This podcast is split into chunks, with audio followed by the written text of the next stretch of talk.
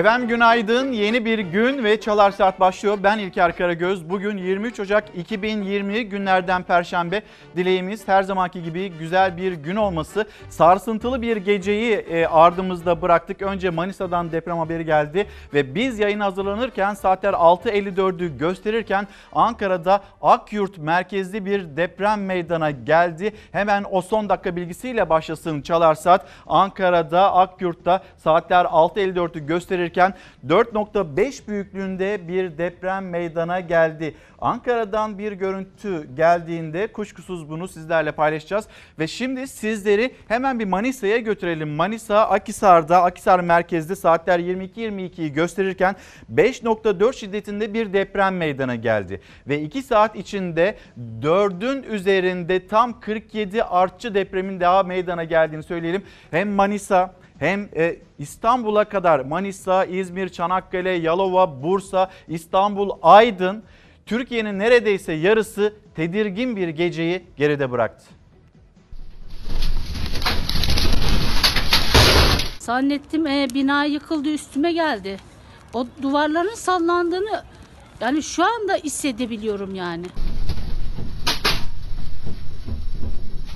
Yani 5.4 olduğunu söylüyorlar ama çok çok fazla korktuk yani ev yer- yerinden oynadı sanki. Allah'a şükür can kaybımız yok, yaralımız yok. Yani hepimiz çünkü endişeliydik ilk etapta ilk duyduğumuzda. Manisa 5,4 büyüklüğünde depremle sarsıldı. Deprem İzmir'den, Aydın'dan, Denizli'den, Çanakkale'den, Bursa'dan ve İstanbul'dan da hissedildi. Büyük korku ve panik yaşandı. Depremde can kaybı olmadı. 4 kişi hafif yaralandı. 15 binada çatlak meydana geldi. İlk gelen bilgiler 15 civarında bir evde çatlak olduğuna dair bize gelen bilgiler. Gece saat 22.22'de merkez üssü Manisa'nın Akisar ilçesi olan 5,4 büyüklüğünde deprem meydana geldi. Sarsıntı yerin yaklaşık 7 kilometre altında yaşandı. Soba yıkıldı sandım. Baktım her yer sallanıyor. Korktuk çok korktuk. Kimi evinde, kimi iş yerinde, kimi dışarıda yakalandı depreme. Sarsıntıyı hisseden büyük panik yaşadı. Depremi fark edenler kendilerini hemen olduğu yerden dışarı attı. Depremin merkez üssünü Akisar'a bağlı Musalar Mahallesi olarak açıkladı Kandilli Rasathanesi ve AFAD. 5,4 büyüklüğündeydi deprem. Musalar köyünde 4 kişi deprem sonrası yaşadığı panikle hafif yaralandı. 15 eski binada çatlaklar yaşandı. Eve girdim, mutfağa girdim. Bir gürültü, bir patırtı, bir tangırt abi. Her taraf böyle sallandı. Hemen eğilerek, kaçarak dışı kaçtım kendim. 5,4 büyüklüğündeki ana sarsıntının ardından sadece 2 saat içinde büyüklüğü 4'ün de üzerine çıkan 47 artçı sarsıntı daha meydana geldi. Depremden sonra bölgeye giden AFAD ekipleri çadırlar kurdu. Yetkililer vatandaşları evlerine girmemeleri konusunda uyardı. Çadırda kuracağız. Vatandaşlarımız soğuk çünkü. Evet onu Ee, Bir de, soracaktım. artçı, bir de artçılar da devam ediyor. Şu anda hızlı bir şekilde biz bir e, meydanlarda vatandaşlarımız için çadır kuracağız. Hızlı bir şekilde. Arkadaşlarımız şu an hem belediyelerimiz imkan, imkanlarıyla hem AFAD imkanlarıyla çadırlar geliyor. Birazdan çadır kuracağız. Depremin hissedildiği İstanbul'dan da İstanbul Valiliğinden de bir açıklama geldi. Valilik mega kentte depremle alakalı olumsuz bir durumun yaşanmadığını açıkladı.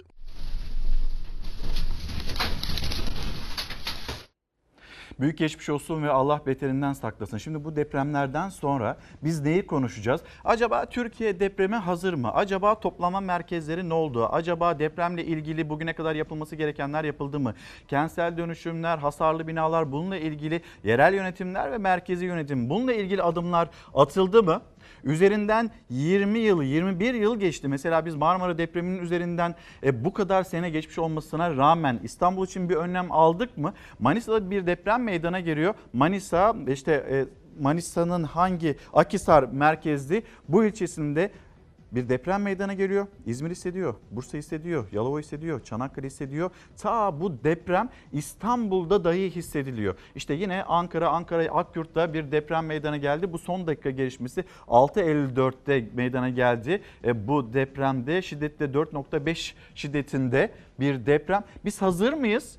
Sürekli soruyoruz bunu. Hazır mıyız? Aldığımız yanıt evet tabii ki hazırız. Ama bizim hissettiğimiz öyle değil. Etrafımıza baktığımızda, toplanma alanlarına baktığımızda o toplanma alanlarının rezidans olduğunu gördüğümüzde ya da AVM olduğunu gördüğümüzde bizdeki endişe azalıyor mu sizce yetkililer yoksa daha da mı artıyor? Bir kez daha geçmiş olsun ne yapmamız gerekiyorsa bununla ilgili hangi adımlar atılması gerekiyorsa lütfen artık atılsın diyoruz ve 7.2 şiddetinde bir depreme hazırlanıyor İstanbul. Bunu deprem uzmanları söylüyor. Ne yapılacaksa yapılsın. Bir Kanal İstanbul tartışması aldı başını gidiyor. Kanal İstanbul'a tamamen kilitlenmiş İstanbul'daki bütün gündem. Kanal İstanbul bizi depremden koruyacak mı, korumayacak mı? Bununla ilgili de bir cümleniz varsa lütfen bunu da duymak istiyoruz.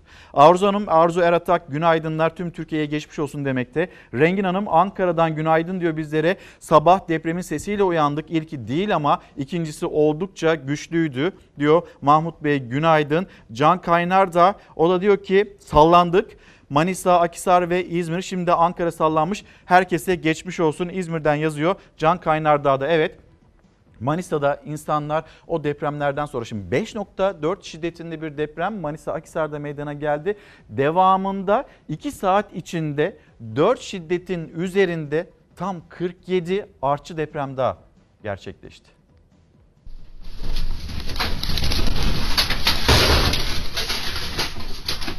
Çok aşırı oldu. Çocuklar birbirine sarıldı. Hemen hemen ev gidiyordu.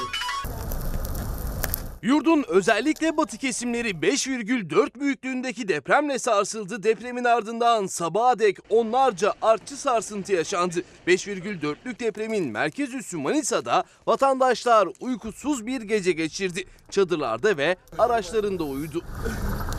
Nasıl titredik, sallandık anlatamam size. Tir tir titredik, korpu korpu hopladım. Manisa'nın Akisar ilçesinde yaşandı 5,4 büyüklüğündeki deprem büyük korkuya sebep oldu. Ardından yaşanan ve büyüklüğü 4'ü de aşan sarsıntılar sonrası Manisalılar korku dolu bir gece yaşadı. Biz de, de köyde oturuyorduk evde televizyonda e, bakıyorduk. Bir anda şangırtı gelince gürültüyle Gürültü geçtikten sonra hemen çıktık dışarı. Musalar Mahallesi'nde vatandaşlar evlerini boşalttı. Park ve göl kenarında toplandı. Soğuk havaya rağmen kimse evine girmeye cesaret edemedi. Kimi ateş başında ısınmaya çalıştı. Aşırı bir sarsıntı vardı. Ne yapacağımızı şaşırdık yani açıkçası. Hatta bu akşam değil de birkaç akşam eve girmeyi düşünmüyoruz. Kimi ise AFAD'ın kurduğu çadırlarda geçirdi geceyi. Deprem nöbeti sabaha dek sürdü Manisa'da. Depreme hazırlıksız yakalananlar battaniyelere sarılıp bekledi. Onlar için çorbalar dağıtıldı, ateşler yakıldı. Hemen aşağıya kendimizi dışarı attık. Bu gece dışarıdayız mecburen. Yapacak bir şey yok. Ateşimizi de yaktık, hava da çok soğuk. Ne yapalım burada bu, bu şekilde bu geceyi geçirmeyi düşünüyoruz. Hemen gazetelerin manşetlerine de bir göz atalım. Sözcü gazetesi parlamenter sisteme Erdoğan götürecek. İyi Parti lideri Meral Akşener iddialı konuştu. Cumhurbaşkanlığı hükümet sistemi tutmadı. İnsanlar nefes alamıyor. Çözümse iyileştirilmiş parlamenter sistemidir diyen Meral Akşener şöyle devam etti. Kısa ve öz bir anayasayla güçlendirilmiş parlamenter sisteme geçiş elzemdir. Kamuoyu yoklamalarında da parlamenter demokrasiye geçilmesi sonucu çıkıyor. 31 Mart seçiminde Türkiye'ye nasıl nefes aldırdıysak bu konuda da önderlik yapacağız. Önümüzdeki günlerde yeni yeni ittifaklar gündeme gelebilir denilmekte. Ankara kulislerine göre e, Millet İttifakı belki değişebilir, bozulabilir. Şu anlamda ama yani İyi Parti, Saadet Partisi, AK Parti'nin içinden çıkan iki parti mesela Davutoğlu'nun kurduğu Gelecek Partisi ve önümüzdeki günlerde Ali Babacan tarafından kurulacak olan e, o parti ismini henüz bilmiyoruz. Bunlar bir blok halinde yeni bir ittifak kurabilirler. Cumhuriyet Halk Partisi tek başına, HDP tek başına ve bir blok halinde parlamenter sisteme geri dönülmesi gerektiğini söyleyen bir muhalefet bloğu bu şekilde e, ittifaklar kurabilir, bu şekilde oluşabilir denilmekte. Ben iyileştirilmiş parlamenter sisteme Erdoğan'ın geçeceğini, adım atacağını düşünüyorum. Ne zaman geçilecek bilmiyorum ama benim okumam bu kutuplaştırmadan yumrukları sıkmaktan yorulduk. Ee, önerim ellerimizi gevşetmek, ağlar müsaade etsin. Meral Akşener birazdan cümlelerine bakacağız. Meral Akşener işte parlamenter sistemden Cumhurbaşkanlığı hükümet sistemine geçildikten sonra neler yaşandığını bir yandan da vatandaşlarla buluşması var, esnafla buluşması var. E, vatandaşın kendisine söylediklerini dün gazetecilerle buluşmasında anlattı. Yine burada bu ekranda bugün bir misafir ağırlayacağız. Temel Karamollaoğlu. Şimdi Temel Karamollaoğlu'nun dün kurduğu bir cümle var Saadet Partisi liderinin. İnanmıyordum ben erken seçim olacağına ama şimdi daha fazla inanır oldum dedi. Ufukta bir erken seçim var mı yok mu? Kendileri Saadet Partisi açısından Türkiye'de siyaset nasıl gözlemleniyor? Türkiye'deki gelişmeler birlikte ele alacağız. Temel Karamollaoğlu'nu Saadet Partisi liderini ağırlayacağız. Bu arada e, Din İşleri Yüksek Kurulu onun verdiği bir karar Diyanet İşleri Başkanı Ali Erbaş e, o verilen faizle ilgili caizdir. Mesela gittiniz TOKİ'den ev alacaksınız. TOKİ'den ev almak için de e, devlet bankalarından kredi kullanırsanız devlet burada bir kar amacı gütmediği için faiz burada caizdir diye bir yorum yapıldı. Din İşleri Yüksek Kurulu Başkanlığı tarafından, Diyanet İşleri Başkanlığı tarafından ve Din İşleri Yüksek Kurulu e, aslında bu kararı almıştı. Acaba Temel Karamollaoğlu bununla ilgili yeni cümleleri var mı? Ne düşünüyor? Onu da konuşalım istiyoruz. Sözcü gazetesinden sonra bir başka manşet. Hürriyet gazetesi müjde yasa 2 aya çıkıyor. Uzun zamandır hayvan hakları yasasını bekleyenlere müjde geldi. Meclis Hayvan Hakları Komisyonu Başkanı Mustafa Yel yasanın 2 ay içinde çıkacağını açıkladı. Şimdi biz bu cümleyi 2 yıl önce yaz aylarında bir kez daha duymuştuk. Meclis şu anda kapalı. Mecliste işte milletvekilleri tatilde. Milletvekilleri tatilden gelsinler. Yeni yasama dönemi başlasın. Başlar başlamaz hayvanlara yönelik bu zulüm, bu şiddet bitecek bir yasal düzenleme yapacağız denilmişti. Üzerinden 2 yıl geçti. Şimdi müjde 2 ay sonra o yasa çıkacak deniliyor. Bakalım göreceğiz. 2 ay daha bekleriz. 2 yıl beklendi. Şimdi hayvanlara yönelik eziyetler, şiddetler bunu sistem ya da yasalarımız bir kabahat olarak değerlendiriyor. Bu bir kabahat değil. Bu bir şiddet, bu bir cinayet ve bunun öyle değerlendirilmesi gerekiyor. Hürriyet gazetesinde yasa 2 aya çıkıyor müjde denilirken neden bu kadar gecikiyor diye sorarsanız, mecliste işler neden bu kadar aksıyor diye sorarsanız, Korkusuz gazetesinin manşetine bir bakalım anlayacaksınız. Tatil koalisyonu. Okulların tatile girmesiyle meclis de çalışmaya ara verdi. Birbirine zıt görüşlü milletvekilleri aç kapa taktiğiyle tatil yapma konusunda birleştiler. Yeterli sayıda vekil gelmediği için meclis önceki gün ve dün toplanamadı. Önceki gün e, hadi yarın toplanırız dediler. Düne randevu verdiler. Saatler 12'de e, saatler 2'yi gösterdiğinde buluşuruz mecliste de, de, dediler. Ama işte tablo bu şekilde milletvekillerini arayın ki bulasınız. Sonra hayvan hakları konusunda, çocuğa yönelik e, istismar konusunda, şiddet konusunda yasal düzenleme müjde 2 ay sonra çıkartacağız deniliyor. Ama meclis çıkartacak tabii. Meclisi de yerinde bulabilirseniz. Şimdi hemen bir dışarıyı göstereyim sizlere. İstanbul yeni güne nasıl başlıyor? Onun bir bilgisini paylaşalım. Saatler 7.28'i gösterirken İstanbul'da henüz günün aymadığını görmektesiniz ve bugün hava sıcaklığının en yüksek 6 derece dolaylarında olacağının bilgisini verelim. Meteorolojiden memleket için kar uyarıları da yapılmakta. İstanbul böyle memleket havası. Bugün havada kar soğuğu var. Kuzeyden sert esen rüzgar buz gibi soğuk hava getirecek. Ölçülen sıcaklıklarda, hissedilen sıcaklıklarda düşecek. Karadeniz bölgesi, İç Anadolu ve Doğu Anadolu'da yağışlar kar şeklinde olacak. İstanbul'a kar gelecek mi sorusunu sorduran keskin soğuk hava bugün geliyor. Ancak İstanbul için ufukta etkili bir kar yağışı görünmüyor. Gökyüzünde yağış bırakacak bulutlar oldukça az olacak bugün megakentte. Yalnızca Anadolu yakası üzerinde gün içinde bir yağış geçişi bekleniyor. Bugün öğle saatleri civarında Anadolu yakasının yükseklerindeki yağışlar karla karışık yağmur şeklinde düşebilir. Zaman zaman ince kara da çevirebilir. Ancak genellikle beklenen yağmur. Yurdun kuzey kesimlerinde bekleniyor bugün yağış. Karadeniz'de beklenen yağışlar genellikle kıyıda karla karışık yağmur, iç kesimlerde kar şeklinde düşecek. Karadeniz bölgesinden sarkan yağışlar İç Anadolu'nun kuzey kesimlerinde hafif şekilde etkili olacak. İç Anadolu'nun en kuzeyi ve doğusu bugün karlı. Öğle saatlerinden sonra ise Doğu Anadolu bölgesinde kar yağışı bekleniyor. Dünden bugüne yurdun kuzey kesimlerinde keskin ve ani bir soğuma var dikkat edilmeli. Marmara ile Karadeniz bölgesinde hava düne göre 5-6 derece daha soğuk olacak bugün. Kuzeyden esen sert rüzgarlarda oldukça soğuk. Esen rüzgar üşütecek, hissedilen sıcaklıkları düşürecek. Cuma günü ise hem rüzgar hafifliyor hem de yağışlar. Perşembeden cumaya dondurucu rüzgarın etkisi zayıflıyor, Karadeniz bölgesindeki yağışlar hafifliyor. Cuma günü genellikle Doğu Karadeniz çevreleriyle Doğu Anadolu bölgesinin en doğusunda yağış bekleniyor. Ancak geceden sabaha buzlanma ve don ihtimaline karşı hazırlıklı olunmalı. Memleketin çeşitli yerlerinden, şehirlerinden depremi hissetmeyenler de hem Manisa'ya hem de e, Ankara'ya deprem nerede hissedildiyse e, oralara geçmiş olsun mesajları var. Tuğba Hanım, Tuğba Ergin depremler oluyor ve işte jeoloji mühendisleri uyarıyor. Yeni yeni depremler tetiklenebilir. Bu e, Kanal İstanbul projesi ve etrafında heyelanlara neden olabilir. E, İstanbul'un içme suyunun üçte birini sağlayan Terkos Gölü tuzlanabilir. Tüm bunlar söyleniyor. Bilim dünyası, bilim insanları itiraz ediyor ve bunlara rağmen çatlasanız da patlasanız da isteseniz de istemeseniz de böyle bir kanal yapılması için e, adım atılıyor. Bunu anlayabilmek mümkün değil diyen izleyicilerimiz arasında kendisi. Cumhuriyet Gazetesi manşeti şube müdürleri 13 yıldır sınavsız ve yönetmeliğe aykırı atanıyor. E, Devlet Hava Meydanları İşletmesi Çiftliği.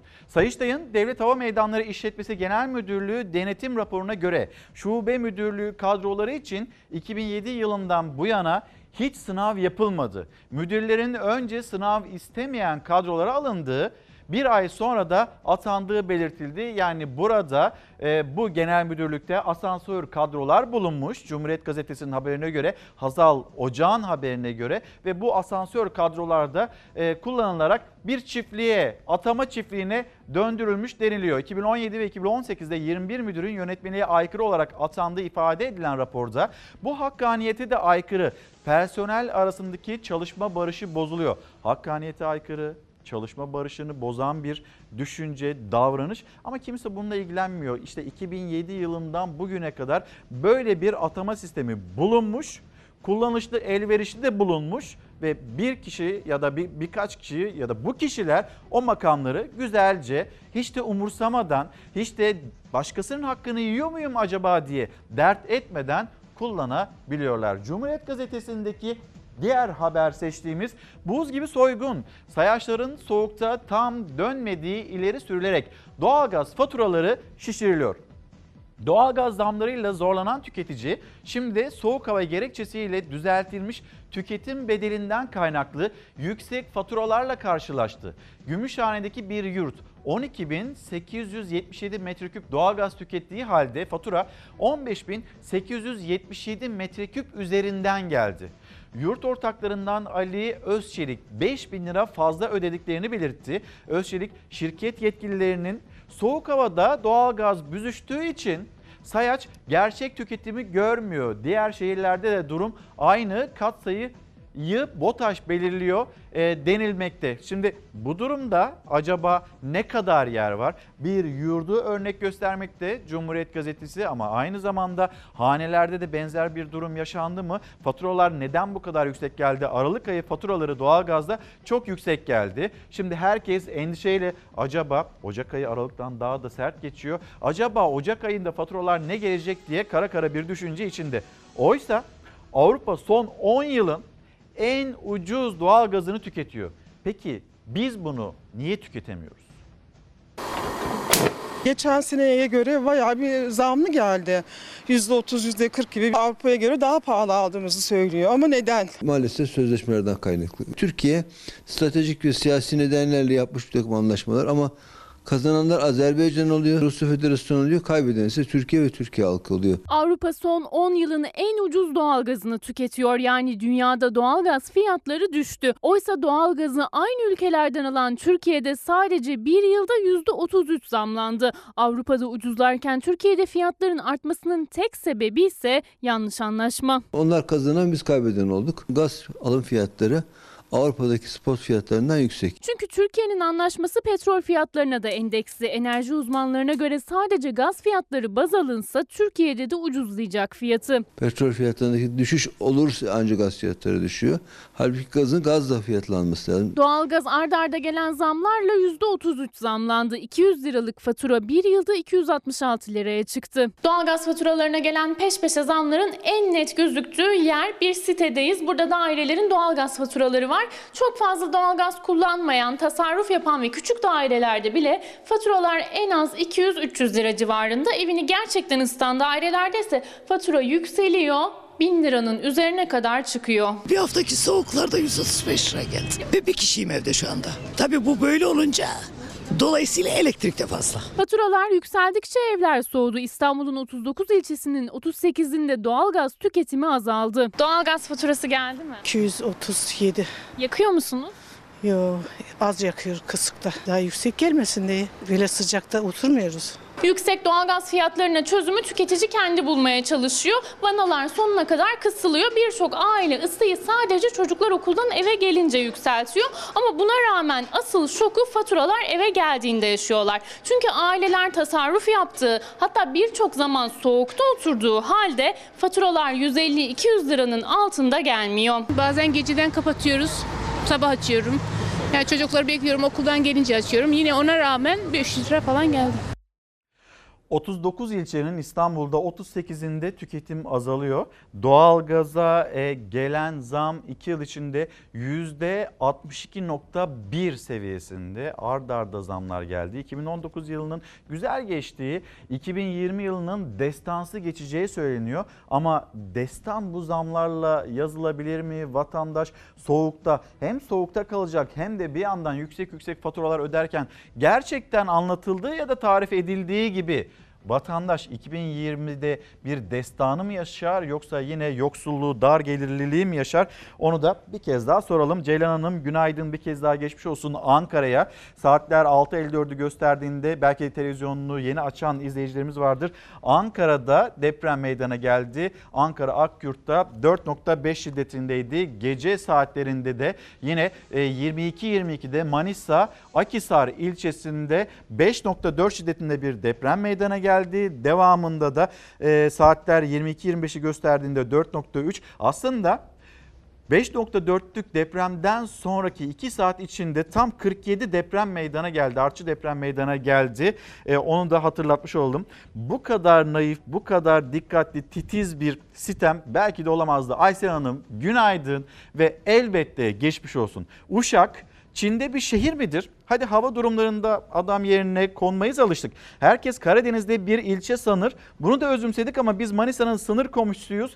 Biz buradayız ve çok sallandık. Bir haber e, kanalında da şu söylensin biz de buradayız bizi unutmayın. Uşak da sallandı çok ama çok geçmiş olsun. Uşağa da geçmiş olsun dileklerimizi iletelim. Akşam gazetesine geçeyim. Bütün dünyanın dikkatle takip ettiği bir e, sağlık durumu bir virüs var ölümcül bir virüs. E, Çin'de can aldı Amerika Birleşik Devletleri Dünya Sağlık Örgütü alarma geçti. Benzer alarm durumu kırmızı alarm durumu Türkiye için de geçerli. E, Çin'den gelenlere karantina odası Sağlık Bakanı Koca gizemli virüsün yayıldığı Çin'den gelecek riskli turistler için tüm önlemlerin alındığını açıkladı. Bizde herhangi bir hastanın hatta riskli hastanın olmadığının altını çizmek istiyorum. Bu nefes aldıran bir açıklama. Şu an Türkiye için herhangi bir riskin söz konusu olmadığını özellikle belirteyim dedi. Ama bir yandan da Sağlık Bakanı alınan tedbirleri anlattı. Şu an Türkiye için herhangi bir riskin söz konusu olmadığını özellikle belirtmek istiyorum. Ölümcül virüs Çin'den Amerika'ya sıçradı. Hızla yayılan hastalık için Türkiye tüm önlemleri aldı. Şu an Dünya Sağlık Örgütü termal kamerayı Türkiye için önermiyor. Ama bu anlamda da termal kamera dahil bütün hazırlıklarımızı yaptığımızı özellikle söylemek istiyorum. Çin'in Wuhan şehrinde bir balık pazarında ortaya çıkan koronavirüsle ilgili vakalar dünyaya yayılıyor. Sağlık Komisyonu ülkede hastalığa yakalanan vakaların 470'e yükseldiğini açıkladı. İnsandan insana bulaşan virüs için 2200 kişiyi de karantinaya aldı.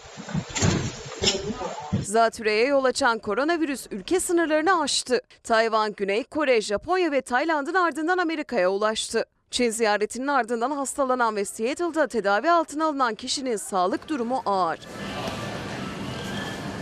Virüse karşı Çin ve Asya ülkeleri önlemlerini arttırdı. Hong Kong'da uçak ve trenler dezenfekte ediliyor. Birçok havalimanında görevliler termometrelerle yolcuların vücut sıcaklığını ölçüyor. Amerika ve İtalya'da havalimanlarında denetimi sıkılaştırdı. Virüsün Türkiye'ye gelme ihtimaline karşı Sağlık Bakanı Fahrettin Koca açıklama yaptı. Riskli olan hastayı da karantina odamıza alıp yine özel ambulansla yine belirlenen hastaneye götürülmesi şeklinde bizim şu an bir hazırlığımız var. Şu ana kadar 17 kişi virüs nedeniyle hayatını kaybetti. Dünya Sağlık Örgütü salgın hastalık nedeniyle acil olarak toplandı. Evrensel Gazetesi, Evrensel Gazetesi'nin e, detaylarını da hemen ekranlarınıza taşıyalım. 44 günlük grevle %34 zam aldılar. Gebze'de Petrol İş Sendikası'nda örgütlü e, işçilerin grevi 44. günde patronla varılan anlaşma üzerine sona erdi. 2 yıllık sözleşmeye göre ilk 1,5 yıl için işçi ücretlerinde %34 zam yapılacak. Sosyal haklarda %30 30 artış sağlanacak. Metal işçileri 1 saat iş durdurdu deniliyor. E, diğer bir haberde de metal patronları lockout ilan etti. Bugün yine konuşulacak konulardan bir tanesi olacak. Akraba turizmi ülkedeki yangın, yoksulluk, tatil hakkını adeta ortadan kaldırdı.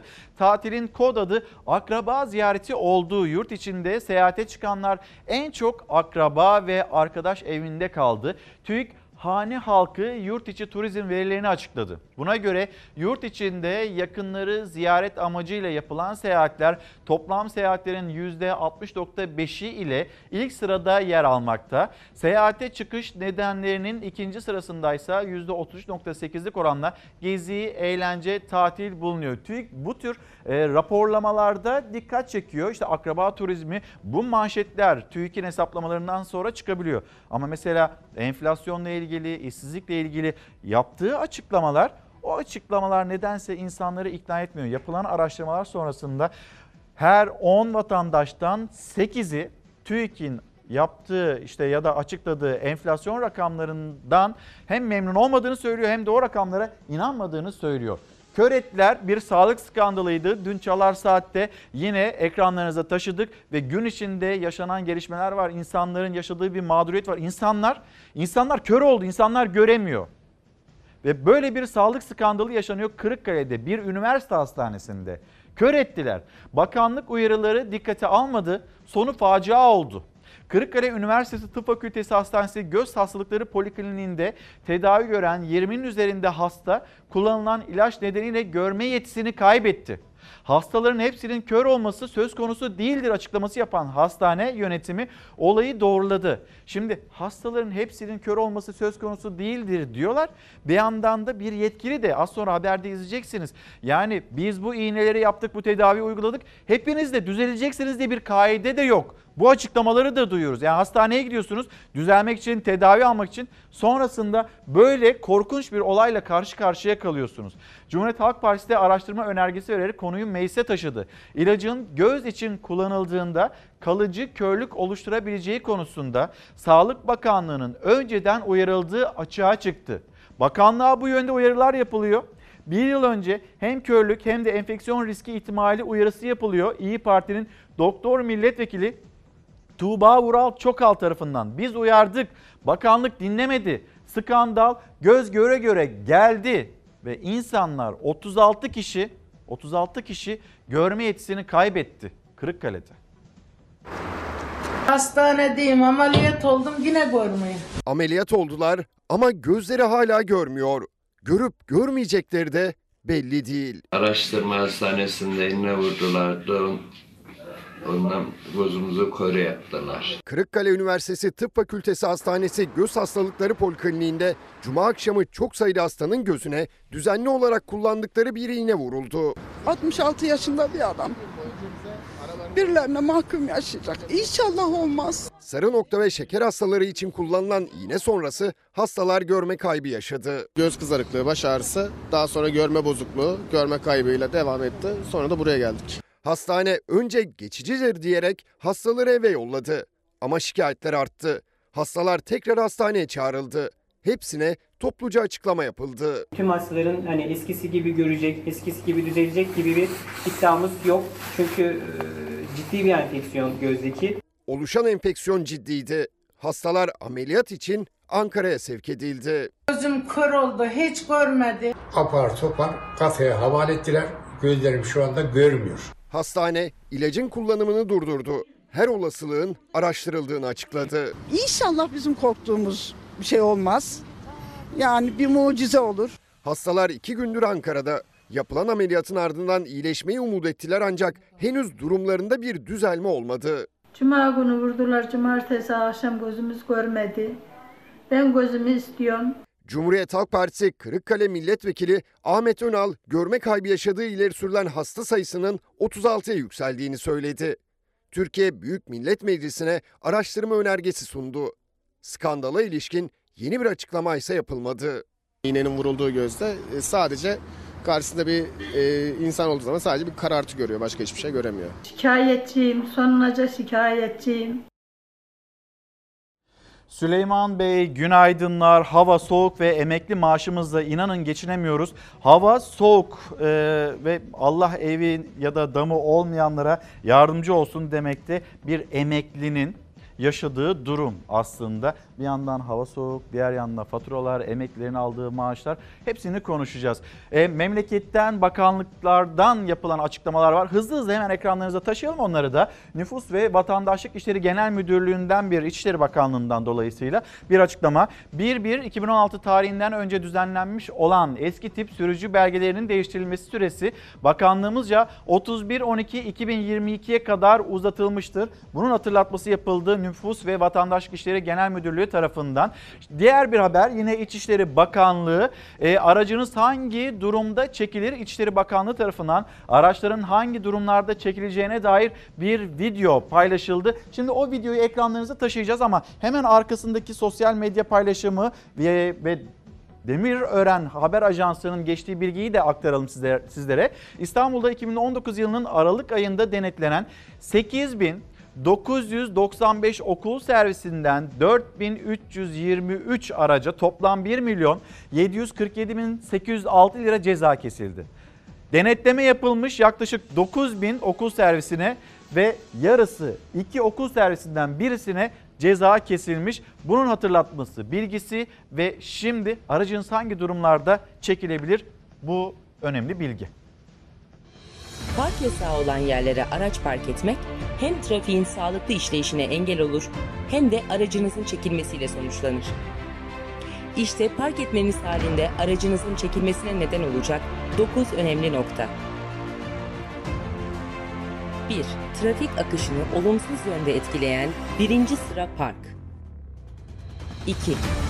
Taşıt yoluna birinci sıraya park etmiş araçların çıkmasını engelleyecek ikinci sıra park.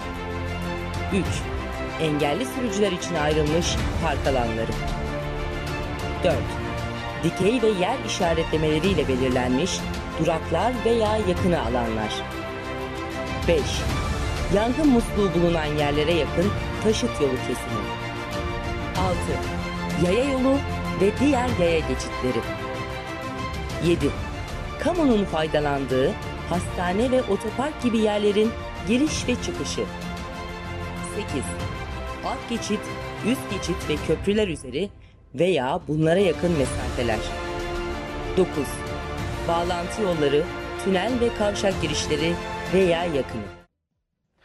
Hatırlatması bu şekilde İçişleri Bakanlığı'nın devam edenin vergi uzmanı Ozan Bingöl sizi aramıyor, sormuyorsa üzülmeyin hemen. Belki de o konuşmadan alınacak özel iletişim vergisi, hazine payı, telsiz kullanım bedeli ve KDV'yi ödemek istemiyordur ya da vergi yorgunudur sizi aramayan kişi hemen kızmayın kendisine diyor.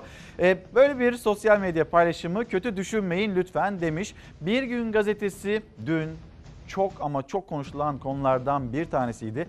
Devlet demir yollarının %300 zam yapması. İşte Ankara'dan Polatlı'ya gidiyorsunuz, Ankara'dan Eskişehir'e, Ankara'dan Konya'ya gidiyorsunuz ve gün içinde kullananlar var, aylık abonman kullananlar var.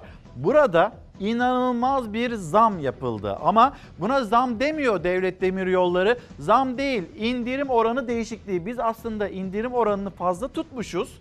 Onu biz değiştirdik. Buna da zam demek çok da hakkaniyetli olmaz cümlesi kuruluyor. Gelelim bir de gazete pencereden görelim bu haberi. Yüksek zamlı tren. Hızlı trende 30 günlük abonman bilet ücretlerine fahiş düzeyde zam yapıldığı Eskişehir Ankara hattında çalışanların ve öğrencilerin tercih ettiği 30 günlük abonman bileti 480 liradan 1687 liraya çıktı. Bakın 480 liradan 1687 liraya çıktı. Öğrenci abonman ücretlerinde de %887 zam var. Şöyle anlatılmıştı. Mesela Konya'da yaşıyorsunuz, Ankara'da öğrencisiniz. Ankara'ya her gün gidip gelip e, gidip gelebilirsiniz. Ankara'da bir ev tutmanıza gerek yok. Böyle anlatılmıştı. İktidar ta- partisi tarafından, AK Parti tarafından. Şimdi öyle değil artık. Biz işte indirim oranlarında bir düzenleme yaptık. Buna da zam demeyin lütfen deniliyor devlet demiryolları tarafından. Ama yüksek zamlı tren olduğunun alt üstünü e, altını çizmek gerekiyor. Üstüne basmak gerekiyor. %400'e varan bir zam. Memur maaşı en düşük zaten 3500-3700 alıyorsun. Ücret olarak 900 TL'ye yakın bir sırf e, trene vereceğiz. Üniversite öğrencileri mesela Eskişehir'e giden var, Konya'ya giden var ev tutmamışlar. Sırf tren daha hesaplı diye şimdi bu çocukların hepsi mağdur durumda. 1600-1700 lira abonman ödemek zorunda kalacaklar. İşçi, memur, öğrenci her gün binlerce yolcu hem zamandan hem de yol masraflarından tasarruf yapmak için tercih ediyordu. Ankara Polatlı, Ankara Eskişehir, Ankara Konya güzergahındaki yüksek hızlı treni ama yeni güne abonman kartlarına yapılan %300'lere varan astronomik zamla uyandılar. Kiram 800 lira. Benim kiramdan fazla yol parası ödeyeceğim. Birçok arkadaşımız e, gidip geliyor ve asgari ücretle çalışıyor. Birçok insan işini kaybedecek. Bu kadar fiyatları yükseltmek insafsızlığın da dışında bir şey yani. Örneğin Ankara Polatlı hattında günde yüzlerce yolcu yüksek hızlı trenle seyahat ediyor, abonman kart kullanıyor. Ancak bugüne kadar bu yolculuk için ödedikleri 220 liralık ücret bundan böyle 877 lira 50 kuruşa yükseldi. Yani %300 zamlandı. Oo, eyvah eyvah.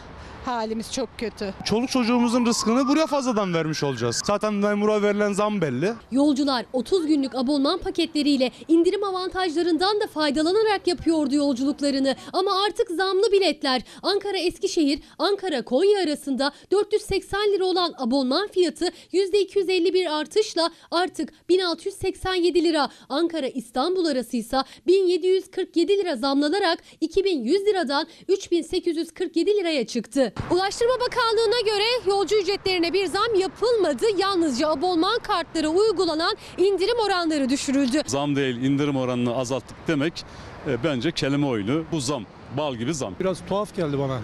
Aşırı bir hani artış gibi görünüyor ama sanki ismi değiştirilmiş gibi geldi. Birleşik Taşımacılık Sendikası zamların ardında özelleştirmeye hazırlık var iddiasını gündeme getirdi. Zam haberine demiryolu görevlilerinin ise tahammülü yoktu. Burası bu alan bize ait. Tamam ben de diyorum ki kaldırımda çekim yapmam Burada serbestse izin- bana kaldırımı gösterin kaldırımda yapayım. Burada izinsiz çekim olmaz. Kaldırımda yapabilirim. Kaldırım yoksa ben nerede durayım yola mı çıkayım? Beni ilgilendirmez hanımefendi. Araba mı çarpsın bana? Beni ilgilendirmez diyorum. Hakikaten çok acayip bir şekilde yani hangi ruh hali yap- yapılmış bu zam ben anlamıyorum. Burada çok açık bir şey var. Özelleştirmenin altyapısı abonman kullanımının kaldırılması. Başka da bir şey değil. Yolcular bütçelerine gelen yükün yani zammın geri çekilmesini istiyor. Beyefendinin karşısında bir gazeteci var. Yani abonmanla ilgili hadi zam demiyorsunuz da abonman biletlerinin indirimdeki e, o düzenlemeden bahsediyorsunuz. İfadeye bakalım indirim oranı değişikliği. Zam demiyorsunuz böyle ifade edilmesini istiyorsunuz. E, bununla ilgili vatandaşı bilgilendirecek bir haber kamu görevi yapan bir gazeteci var karşınızda. Burası bize ait diyorsunuz. Devlet Demir Yolları da vatandaşa ait. Devlet Demir Yolları'nın önünde vatandaşa bu konuyla ilgili düşünceleri soruluyor. Beni ilgilendirmez. E yola mı çıkayım? Araba çarparsa beni ilgilendirmez. Yani bu kadar. Konuşmayın da yani bunu söylemeyin, bunu haber yapmayın. Bununla ilgili ses, bilgi, tepki almayın da ne yaparsanız yapın. Araba mı çarpar? Vallahi bu beni ilgilendirmez. Böyle bir düşünce. Peki bu düşünceyle bizim gidebileceğimiz bir yer, bir yol var mı? Hayır, hiçbir yere gidemiyoruz işte. Gelelim Milliyet Gazetesi, Milliyet Gazetesi'nin manşeti katile af endişesi Ordu'da e, katledilen Ceren Özdemir'in ailesi katile verilen ağırlaştırılmış müebbet hapisten memnun olduklarını ama afla serbest kalmasından da korktuklarını söyledi. Şimdi müebbet hapis cezası verildi. Bu caniye, cani ruhlu kişiye e, kızımız gitti belki ama en azından adaletin yerini bulması bizi memnun ediyor demekte Özdemir ailesi. Sonradan birileri çıkar da ya da bu katil bu cani kişi mahkemeye gidip mesela bir takım elbise giyse iyi hal indiriminden faydalanır mı? Bir bunu da soralım yetkililere. Böyle olmasını istiyoruz demekte. Ee, yine Ceren Özdemir'in ailesi ve herkes. Bir sosyal medya paylaşımı Aydın'da ayrılmak istediği erkek arkadaş tarafından katledilen 19 yaşındaki Merve Kotan'ın ablası yarınki duruşmaya çağrıda bulundu. Katilin ceza indiriminden yararlanmaması için mücadele ettiklerini belirten Kotan bu sadece bizim davamız değil. Bu sadece buradaki 19 yaşındaki Merve Kotan'ın ablasının ya da Kotan ailesinin mücadelesi değil. Bu sadece Özdemir ailesinin mücadelesi değil.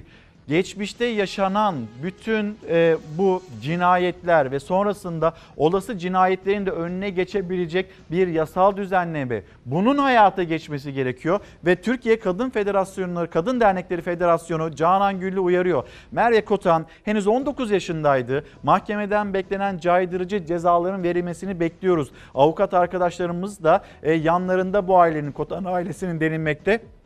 Özür dilerim Türkiye Kadın Dernekleri Federasyonu e, Kotan ailesini Merve Kotan'ın işte ablasının ailesini yalnız bırakmadığını söylemekte. Bugün yine e, adliyede olacaklarının da hatırlatmasını yapıyorlar. Gelelim tekrar Milliyet Gazetesi'ne. Bekçiye kimlik sorma yetkisi konuşulan konulardan bir tanesi sosyal medyada tartışıldı. Çarşı ve mahalle bekçileri makul sebep şartıyla kişi ve araçları durdurup kimlik sorabilecek, üst araması ve dıştan araç kontrolü yapabilecek, zor ve silah kullanma yetkisine sahip olacak bekçiler. Polisin yanı sıra jandarmaya da yardımcı olacak. Bekçiler şiddet mağduru veya şiddete, istismara uğrama riski taşıyan kadın ve çocukları en yakın genel kolluk birimlerine teslim edecek. Şimdi böyle yetkiler verilince sosyal medyadaki tartışması da şöyle oldu. O zaman niye bekçi diyorsunuz? Polis deyin olsun bitsin çünkü bekçilere verilen yetkilerde polislere verilen yetkilerle neredeyse aynı ya da yakınlık derecesinde deniliyor. 2016 yılı ve sonrası yapılan atamalarla toplam 21.300 civarında e, çarşı ve mahalle bekçisi şu an e, emniyet teşkilatımızda görev yapıyor. 2020 yılı içerisinde de işlemleri bitmiş fakat atama süreçleri e, tamamlanmayan 8200 civarında da e, çarşı ve mahalle bekçisi bulunmaktadır. Bunlar da işlemleri bitince 2020 içerisinde atamaları bitip görevlerine başlayacaklar. Bu kanunla beraber çarşı ve mahalle bekçisi kimliğini ibraz etmek suretiyle vatandaşlarımızdan kimlik sorma e, sorabilecekler. Daha önce sadece biliyorsunuz polisle beraber çalışıyordu. Şimdi jandarmayla da çalışma imkanını getirmiş oluyoruz. Yine aranan şahıslar varsa e, bunları yakalamak e, ve bunu genel kolluk kuvvetine bildirmek gibi görevler ifa edecekler. 2018 Eylül ayından bugüne kadar 3643 hırsızlık olayına çarşı ve mahalle bekçileri müdahalede bulunmuş. 1032 kayıp çocuk bulunarak ailelerine teslim edilmiş. 58168 aranan şahıs hakkında işlem yapılmış.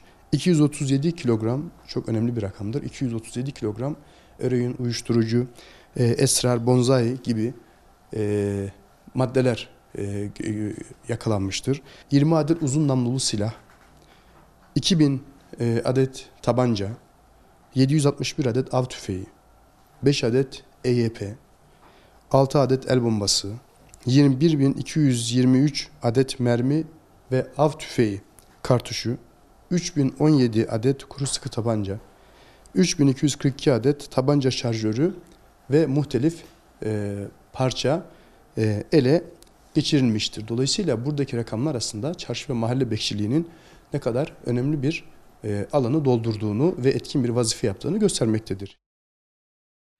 Makbule Hanım günaydınlar. Zamlar milleti kötü vurdu. Doğalgaz, elektrik, su faturası, sebze, meyve. Şimdi hızlı tren. Söyleyecek söz yok. Çok abartılı. bu zamlar demekte. Emekli maaşlarıyla yaşa yaşayabilirsen emeklilerimizden gelen bir mesaj. Makbule Hanım günaydınlar selamlarımızı iletelim. Şimdi hemen sizleri bir Erzincan'a götürelim. Erzincan'dan bir soygun görüntüsü.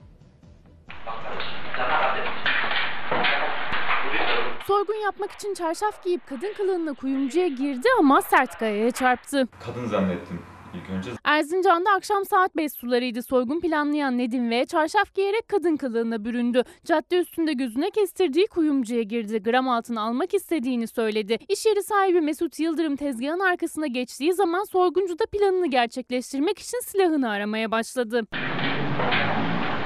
Gram altın sordu. Ben de toplamıştım. Kasanın altından çıkarıp vermeye çalıştım. O arada bu kısımdan gelip müdahale etti.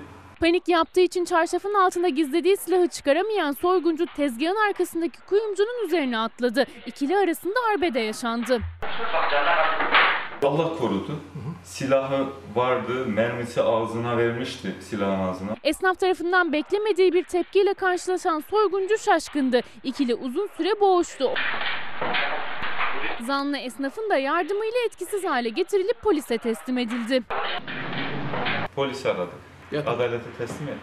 Gözaltına alınan Nedim V'nin yanında getirdiği çanta içinde iki adet plastik kelepçeyle soygunda kullandığı tabanca ele geçirildi. Zanlı hakkında silahlı yağma, kasten yaralama ve mala zarar verme suçlarından işlem başlatıldı. Enver Bey günaydın. Enver Perktaş. Kardeşim cahil olmayın af çıksa da o adamlara yansımaz demekte. Sağ olun bizi aydınlattığınız için. Doğru. Hapishaneden kaçar mesela bu kişiler kimse peşine düşmez. Ya da bir kadın eşim beni öldürecek diye polise defalarca başvurur. Bir cinayete kurban gitmek istemiyorum der ama kimse oralı olmaz. Teşekkür ederiz. Enver Perktaş bizi aydınlattı. Af çıksa da o kişilere gelmez. Acaba kadınları nasıl koruyacağız diye meclis bir toplanabilirse, onlar da tatili bırakırsa güzel güzel bir düzenleme çıkartılır belki. Şimdi sıradaki haberimize geçeceğiz ama gazetelerin manşetlerini de aktarmayı sürdürelim. Bugün e, misafirlerimiz olacak bir yandan dün mesela Ahbap platformunu Haluk Levent'i burada ağırlamıştık ve iyilik, iyilik insanlara herkese iyi geliyor ve dün öyle zannediyorum güzel bir yayını paylaştık sizlerle. Bugün de eğitim üzerinden ve yine iyiliği yaymak, eğitimin e, yayabilmek adına eğitim meşalesini elinde tutan derneklerimizden bir tanesi. Hem kendilerini harcayacağız hem de siyasete Saadet Partisi lideri Temel Karamollaoğlu ile birlikte bir göz atmak istiyoruz. Yine soluk kesen bir çalar saatle karşınızdayız söyleyelim. Yeni Çağ Gazetesi manşeti bumerang boyunlarına dolanır. İyi Parti lideri Meral Akşener siyasetteki FETÖ tartışmaları ile ilgili imalı konuşup işi sulandırırsanız ciddiyet ortadan kalkar diyerek böyle uyardı.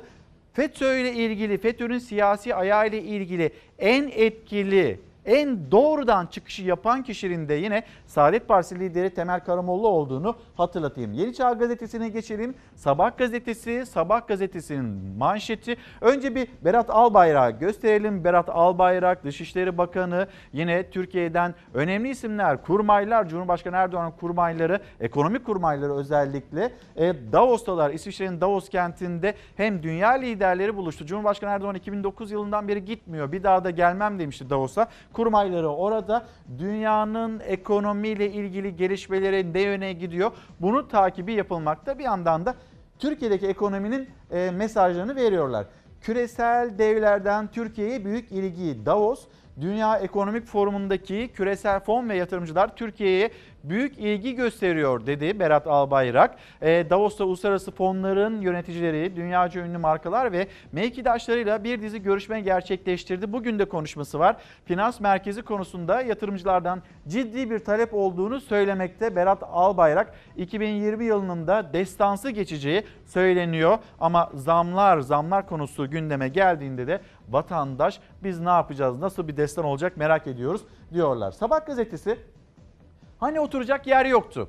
Adana Ceyhan'da istihdam skandalı CHP'li belediye başkanı Kadir Aydar masalarda oturacak yer yok diyerek 269 işçiyi işten çıkardı attı. Yerlerine 332 kişiyi işe aldı ve Sabah gazetesinin manşette hani oturacak yer yoktu madem bu kişileri neden işten çıkardınız sonradan daha fazlasını 332 kişiyi neden işe aldınız bu eleştiri gündeme geldi. Şimdi orada işçiler niçin ekmeklerinden oldular ve sonradan bu işe alımlar yani bir ehliyet, liyakat eksikliği mi vardı?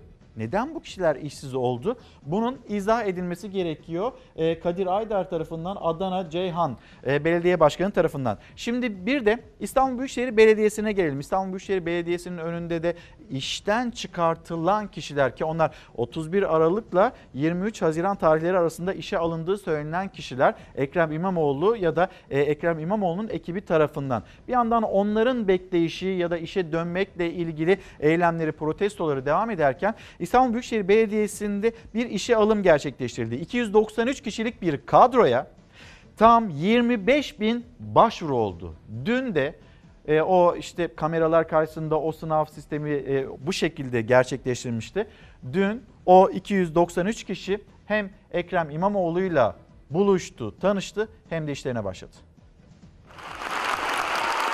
İlk başta kafamda belli şüpheler vardı. Belli bir yerde tanıdığınız olmadan giremiyorsunuz özellikle belediye alımlarında. Açıkçası benim pek umudum yoktu. Başvuran sayısı çok fazlaydı. Alınmam diye düşünüyordum o kadar kişinin arasından. Sizin seçilmenizi sağlayan şey ne oldu? Bilgi birikimimiz, tavırlarımız, duruşumuz olsa gerek. Kafalarında soru işaretleriyle girdikleri kuyrukta bugün içleri rahat, yüzleri gülüyor. Mülakatlar şeffaf camlı odalarda kameralar eşliğinde gerçekleştirildi. İstanbul Büyükşehir Belediyesi'nin 25 bin başvuru arasından seçilen 293 sözleşmeli personeli görevine başladı. Liyakata dayalı bir süreci tanımlıyorum. İstanbul Büyükşehir Belediyesi sözleşmeli personel alımı için ilan açmıştı. O ilana 25 bin kişi başvurdu ve bugün o 25 bin kişi arasından seçilen gençler İstanbul Büyükşehir Belediye Başkanlığı'nın meclis salonunda Ekrem İmamoğlu'yla bir araya geldiler. Büyükşehir Belediye Başkanı o gençlerle tek tek sohbet edip fotoğraf çektiriyor.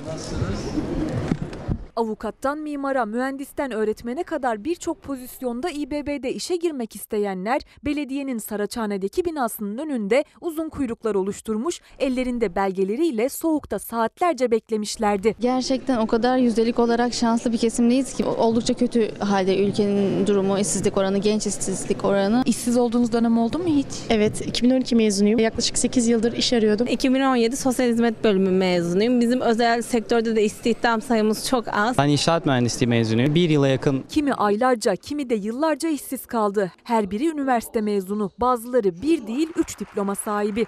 Ancak işe girebilmek için çaldıkları her kapıdan hayal kırıklığıyla döndüler. Şimdi mezun oldukları bölümlerde kendi alanlarında işe başladılar. Eğitim Fakültesi Edebiyat Öğretmenliği mezunuydum. Ardından sosyoloji okudum. Sonra çocuk gelişimi okudum. Üç diplomanız. Evet, üç diplomam var. Yabancı dil kaç tane? İngilizce, çocuk gelişimci olarak işe alındım. Şu an gerçekten hayalimi yaşıyorum. Kendi alanımda çalıştığım için çok mutluyum. Halka hesap verdiğinizi, vermek zorunda olduğunuzu unutmamalısınız.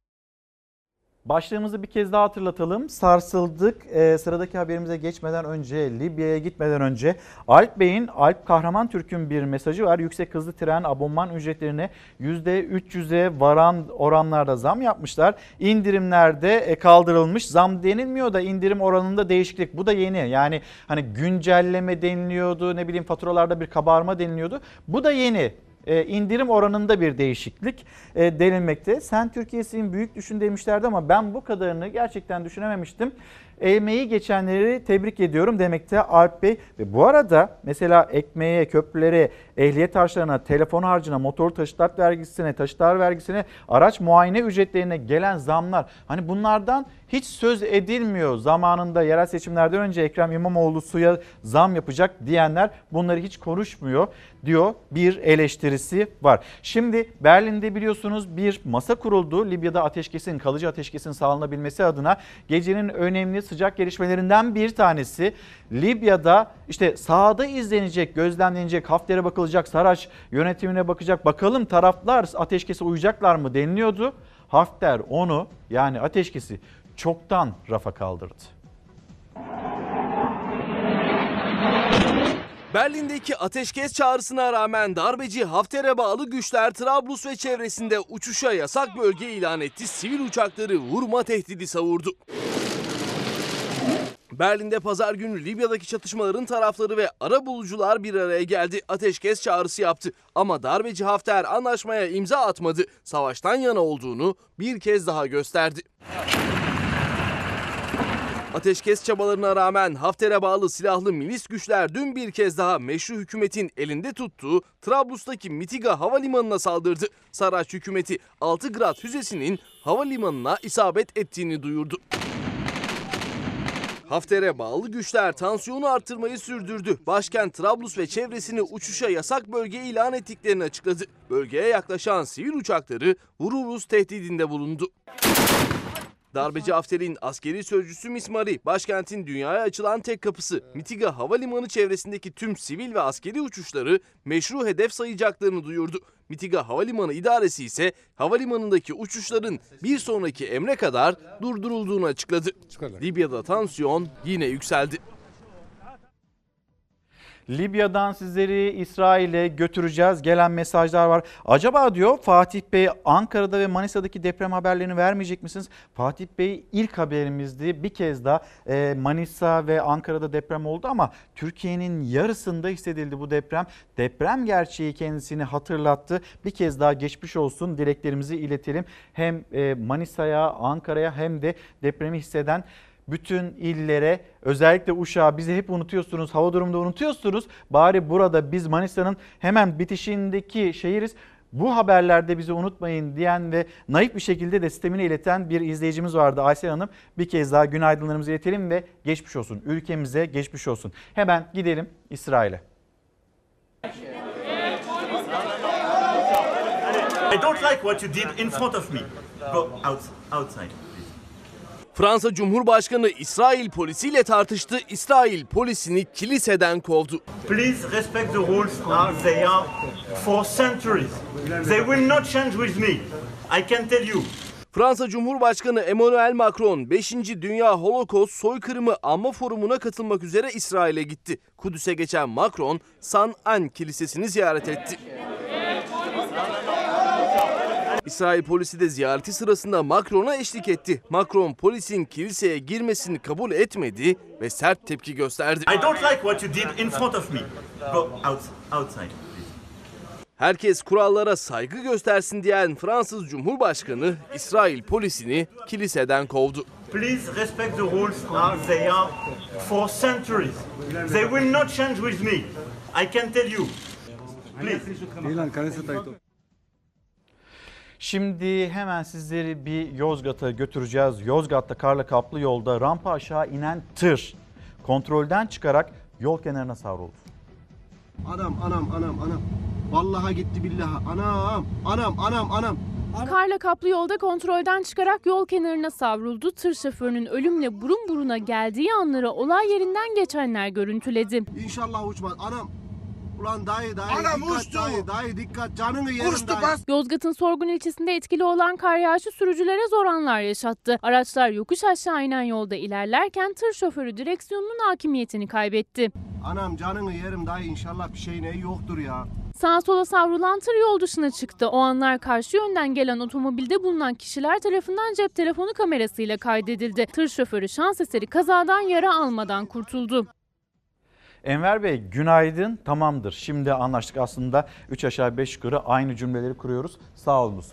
Gazete Pencere Türkiye yalancı çoban muamelesi AKP'nin yaptırdığı ve Cumhurbaşkanı'nın önünde duran ankette bakın AK Parti'nin yaptırdığı Cumhurbaşkanı Erdoğan önünde duran anket ne diyor? Gazete Pencere'nin manşet haberi.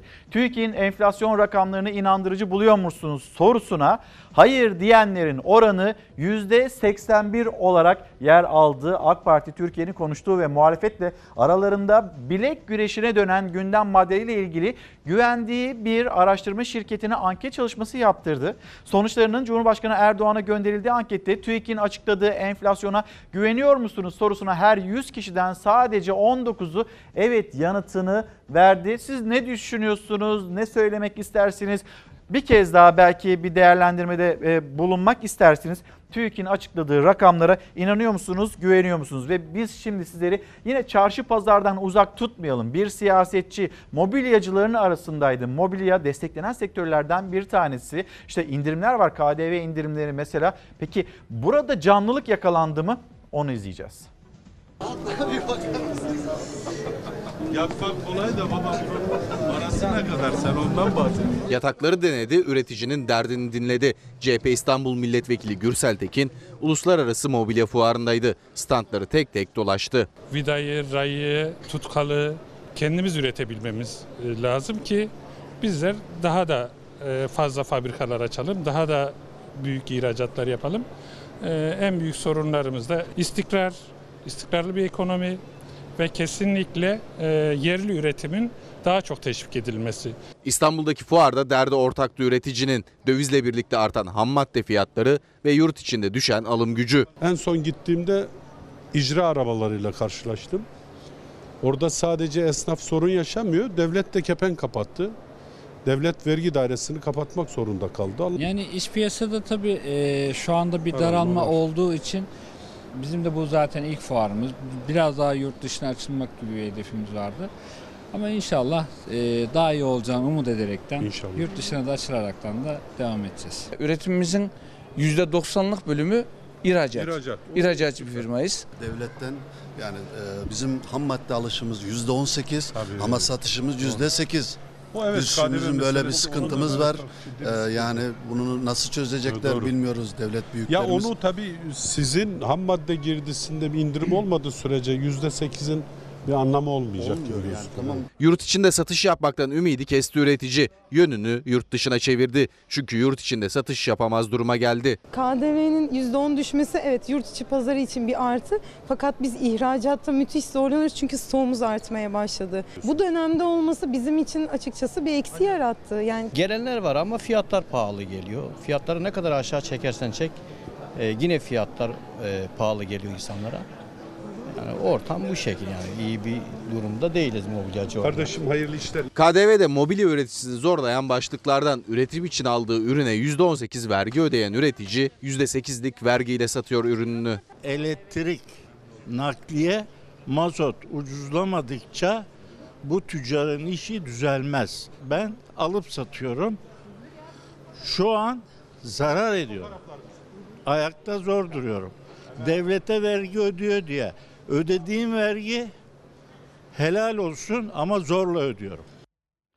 Konuklarımız geldi. Biraz hızlı gideceğiz. Sizi hemen bir hafıza odasına alalım.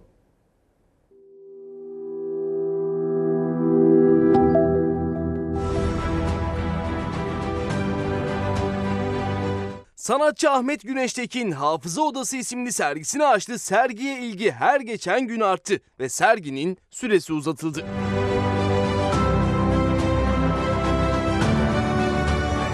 ...6 Aralık'ta açıldı Ahmet Güneştekin'in Hafıza Odası adlı kişisel sergisi. Açılışa Kültür ve Turizm Bakanı da dahil sanatçılar ve gazeteciler akın etti. Sergi boyunca Güneştekin her cumartesi sanatseverlerle buluştu. Ziyaretçilerle interaktif sanat konuşmaları yaptı.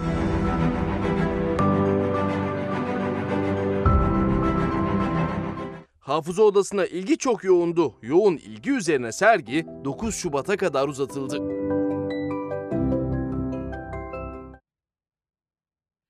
Efendim geleceğe nefes kampanyası vardı. Dün de Cumhuriyet Gazetesi'nin ilk sayfasında bu kampanya ile ilgili önemli bir bilgi paylaşılmıştı. Milyonlarca fidan tutmadı diyor. Ee, bu işin uzmanları Tarım Orman İş Sendikası. Şimdi bunun detayları. 11-11-2019 tarihinde Türkiye'nin 81 ilinde 11 milyon fidan dikildi. 11 milyon fidanın zaman ve zemini doğru seçilmemişti. Çünkü aylarca toprağa su düşmemiş, toprak henüz fidan dikmeye hazır değildi. Ve fidanı diken insanlar da bu işi bilen insanlar değildi. Dolayısıyla o dönemde uyarmıştık yapmayın bu fidanlar tutmaz diye. Tarım Orman İş Sendikası olarak yaptığımız açıklamada bu konunun takipçisi olacağımızı keşke biz yanılır olsaydık demiştik ve şimdi de söylüyorum keşke biz yanılsaydık. O zaman da demiştik ki bu dikilen fidanların %90'ı tutmayacak ve ne yazık ki yanılmadık. Ne yazık ki üzülerek söylüyorum keşke yanılsaydık, yanılmadık ve bugün %90'ı tutmadı. Birçok yerde sorduk ne yaptınız diye fidanları gömdük dediler. Yani poşetiyle şu plastik poşetle gömüldüğüne tanık olduk. Dolayısıyla bu fidan bu şekliyle dikilirse ölecektir. Bu kesin. Kısa sürede 11 milyon fidan diktik deyip bu fidanlar katledildi. Mart sonu diyoruz. Mart içerisinde de çünkü doğa uyanıyor. Eğer dikilen fidanlar tutmuşsa yeşerecektir. E, bunun tespitini yapıp kamuoyuyla paylaşmak istiyoruz. Leyla Hanım, Leyla Tatar günaydın. Sarsıldık mı? Evet. Önlem alıyor muyuz? Hayır. Paylaşımı bu şekilde. Şimdi hemen İspanya'ya gideceğiz. Sarsıcı, şok edici bir görüntü.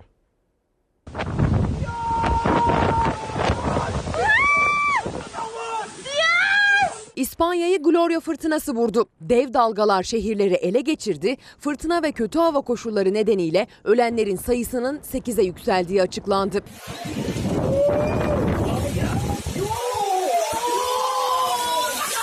Gloria fırtınası İspanya'nın Girona bölgesinde kuvvetli sağanaklara, kar yağışına ve hayatın neredeyse durmasına sebep oldu. Rüzgarın hızı saatte 144 kilometreye, denizdeki dalgaların boyuysa 13,5 metreye ulaştı. Ülke genelinde kötü hava koşulları sebebiyle hayatını kaybedenlerin sayısının 4'ten 8'e yükseldiği bildirildi. Alicante nehrinde bir kişinin cansız bedenine ulaşıldı.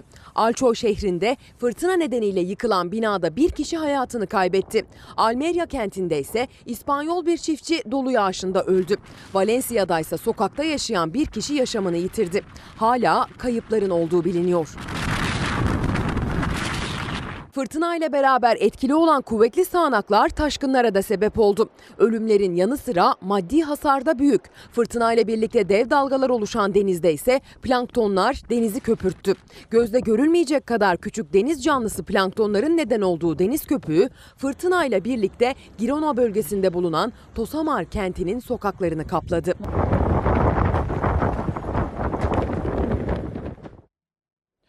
Rüzgar Aytekin günaydın. Doktor Ülkümen Rodoplu selamlarımızı iletelim. Doğa şöyle diyor. Hazırlanın yıkılmamak için önlem alın. Akhisar depremiyle sarsıldık ama yıkılmadık. Önlem alıyor muyuz? Leyla Hanım'ın söylediği gibi maalesef önlemlerin yeterli olduğunu söylemek de mümkün değil. İstanbul'da hissetti bu depremi. Dün İstanbul'da o tedirginliği yaşadı. Bir yandan deprem diğer yandan da patlama sesleri İstanbul'da.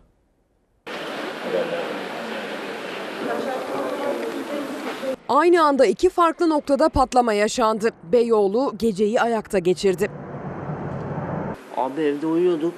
Bir anda yüksek patlama sesiyle her yer duman falan oldu. Ama harbiden çok büyük bir patlama sesiydi abi. Büyük bir gürültüyle patlayan el yapımı patlayıcılar İstanbul'un Beyoğlu ilçesini ayağa kaldırdı. Gece yarısından sonra saat 2 sularında yaşandı patlamalar. Beyoğlu'nun Sinan Paşa ve Piri mahallelerinde gerçekleştirildi saldırılar. Kimlikleri belirlenemeyen kişilerin el yapımı patlayıcıları bırakıp kaçtıkları tahmin ediliyor. Çıktık baktık kimseler yok polisler geldi falan. Ne yapacağımızı şaşırdık yani abi. Böyle böyle patlama sesi yoktu yani. Sinan Paşa mahallesinde bir apartman girişinde, Piri mahallesinde park halindeki bir arabanın arkasında el yapımı patlayıcılar infilak ettirildi. O anlarda Beyoğlu yüksek patlama sesiyle ayağa kalktı. Korku ve paniğe neden olan patlamalarda neyse ki kimse yaralanmadı. Polisin soruşturması devam ediyor. Çocuklarımız var bir hastalıkla mücadele ediyorlar. Hem çocuklarımıza hem de ailelerine umut olmak gerekiyor. gelen hastaların ara dönemlerde kontrollerinde konaklayabilecekleri bir yer yok. Aile evleri büyük bir açığı kapattı. Kanserli çocuklara umut olurken ailelerine de tedavi süresince yuva oluyorlar. Kanserli çocuklara Umut Vakfı Kaçuv ikinci aile evini açtı. Kaçuv tedavi için şehir dışından İstanbul'a gelen kanser hastası çocukların aileleri için aile evleri kurmaya başladı. İlki 2012'de Cerrahpaşa'da hizmet vermeye başladı. 14 odalı ev 700'den fazla aileyi ağırladı. Hastaların e, nelere ihtiyacı olduğunu bildiğimiz için onlara destek oluyoruz. Psikolojik destek de sağlıyoruz. Daha fazla aile zorlu tedavi sürecinin yanı sıra barınmayı da düşünmesin diye ikinci aile evi de Pendik'te kuruldu. 22 odalı yeni aile evinde büyük bir oyun odası, bilişim ve psikolog odasıyla atölye de var. Annelere bile sosyal çalışma imkanı sağlayan, e, dikiş dikebilecekleri, el, el ürünleri üretebilecekleri bir atölye bile sahip olan bir aile evi açıyoruz. Tamamen bağışlarla kurulan Pendik'teki aile evi hizmete açıldı. 17 yaşından küçük kanser hastası çocukları ve aileler ücretsiz yararlanabiliyor. Aynı zamanda kaçov, giyim ve gıda yardımı da yapıyor o ailelere. Vakfa destek her çocuk için daha iyi tedavi ortamı demek. Efendim sıradaki haberimiz tatile çıkan çocuklarımız için olduğu kadar aynı zamanda anne babaları için de. Tatil adı üstünde öncelikle dinlensinler, eğlensinler. Lütfen bol kitap okusunlar. Kitap olmazsa olmaz, okumak olmazsa olmaz ve bu eğlencenin yanında da öğrendiklerini unutmamak için tekrarlara mutlaka yer versinler. Tatil olduğunu unutmayın ama eksikliklerin telafisi için de tatili iyi değerlendirin. İşte uzmanların hem öğrencilere hem velilere en önemli yarı yıl tavsiyesi. Öğrencilerin karnesi iyi gelse de kötü gelse de uzmanlara göre tatil şart. Karne ile ilgili sıkıntı varsa, çocuğun performansında, derslerinde ve sonuçlarında eğer olumsuzluklar varsa o zaman yapılması gereken elbette ki eksiklerin nerede olduğunun öncelikle tespit edilmesi. Bu Şubat tatilde bunun için bir fırsat. O eksikleri tespit edip nereleri nasıl tamamlamak lazım buna bakmak lazım. Öğrencilerin dört gözle beklediği yarı yıl tatili sürüyor. Hepsi elinde karne ile evin yolunu tuttu ama uzmanlar özellikle velileri karneler konusunda uyarıyor. Çocuğa herhangi bir ceza ya da ödülle karnenin sonucu değerlendirilmemeli. Biz eğitimciler olarak bunu önermiyoruz. Biz tam tersi çocuğun bir performansını değerlendirme sonucu olarak bakılmasını ve neler yapılması gerektiğini beraberce bir plan yaparak karar verilmesi gerektiğini söylüyoruz. Veliler karne için ödül ya da ceza uygulamak yerine neler yapılabileceğine çocuklarıyla beraber karar vermeli. Sadece karnesi kötü gelen öğrenciler için değil, iyi gelenler için de yeni yarı yıl için planlamalar yapılmalı. Eğitim uzmanı ve öğretmen Hale Güneş'e göre veliler bu süreçte kendini de değerlendirmeli. Yeni değerlendirme, yeni hedefler koymak, bu hedeflere yürürken de neleri nasıl yapacağımıza yine beraber karar vermek lazım. Nerelerde nasıl, hangi alanlarda iyi gittik, ne yaptık da iyi oldu sonuç buna bakmak lazım. Efendim bir kez daha günaydın televizyonunu yeni açan izleyicilerimiz vardır. Dün hani Ahbab'ı ağırlamıştık, Haluk Levent'i ağırlamıştık. O iyilik hepimize iyi gelmişti ya. Bugün de yine e, eğitim adına iyilik yapan, o e, iyiliği yaymaya çalışan iki değerli ismi ağırlayacağız. E, peki kimdir misafirlerimiz? Eğitim Gönülleri Vakfı ve bu vakfın yönetim kurulu başkanı Oktay Özinci. Efendim günaydın, hoş geldiniz ve yönetim kurulu üyesi Cengiz Solakoğlu. Günaydınlar. Efendim Günaydın. şimdi biz daha çok böyle sizi dinlemek istiyoruz. Bu yolculuk ne zaman başladı? Bir yandan da doğum gününüzü kutluyorsunuz. Nereden başlayalım, nasıl başlayalım efendim? Ben isterseniz Buyurun. E, Buyurun Cengiz Bey. biraz evvel fide ekiminin %90'ı tutmamıştı diye bir haber geçtiniz. Maalesef. Bizim fidemiz 25 Nisan 1994 yılında ne olacak bu memleketin hali e, sohbetiyle atıldı. O gün Nakkaştepe'de e, Vehbi Koç, Profesör Doktor Yılmaz Büyükerşen ve Suna Kuraç'ın bulunduğu, benim de bulunduğum bir yemek sırasında Türkiye'nin o gün yine bitmez tükenmez krizlerinden biri yaşanıyordu. Ne olacak bu memleketin hali? Sohbet konusuydu. Suna Hanım, ne olacak bu memleketin hali demekle bu memleket kurtulmuyor. Bunun altındaki neden eğitim eksikliğimiz. Eğitim devlete bırakılmayacak kadar önemli. Sivil toplum örgütlerinin halledemeyeceği kadar devasa bir sorun. Dolayısıyla ağaç yaşken eğilir.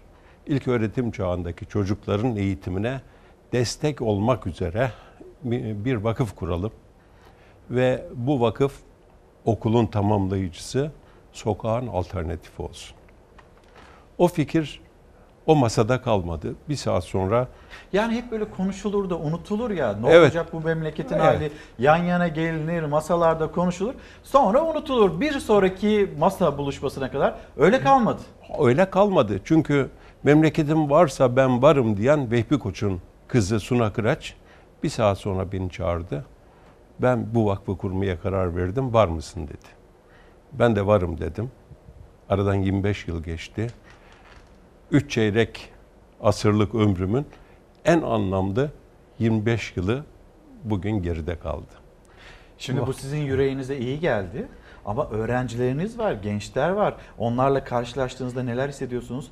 Ee, bunu da sormak gerekiyor ama isterseniz bir Oktay Bey'e geçelim. Oktay Bey de hani bugüne kadar e, ne kadar e, bursiyer, ne kadar öğrenci, e, yurt içinde, yurt dışında belki bunlardan söz etmek istersiniz. Tabii. Şimdi e, aslında bursiyer şeklinde değil, bizim eğitim sistemimiz başka türlü. Ama şöyle söyleyeyim, bir kere 25 yıldan bu yana kurucularımızın başlattığı bu operasyon üstüne herkes birer tabii tuğla koyduktan sonra çok başarılı bir e, 25 yılı geçirdik. Ne yaptık? E, 3 milyon civarında çocuk TEGEV'den geçti. 3 milyon civarında çocuğa. milyon. 3 milyon. Ee, bunu 90 bin civarında gönüllü müzün e, faaliyette katılmasıyla bunu gerçekleştirdik. Sıfırdan şu anda 71 adet birimimiz var. Eğitim birimimiz var. Eğitim parkı veya öğrenim birimi dediğimiz. 31 ile yayılmış vaziyetteyiz. Bu birimlerimizden 24 tanesi mobil, gezici birimler. Yani gezgin e, şeyler, ateş böceği adını veriyoruz biz bunlara. Bunlar da belli okullarda, belli e, illerde, ilçelerde e, dolaşıyorlar.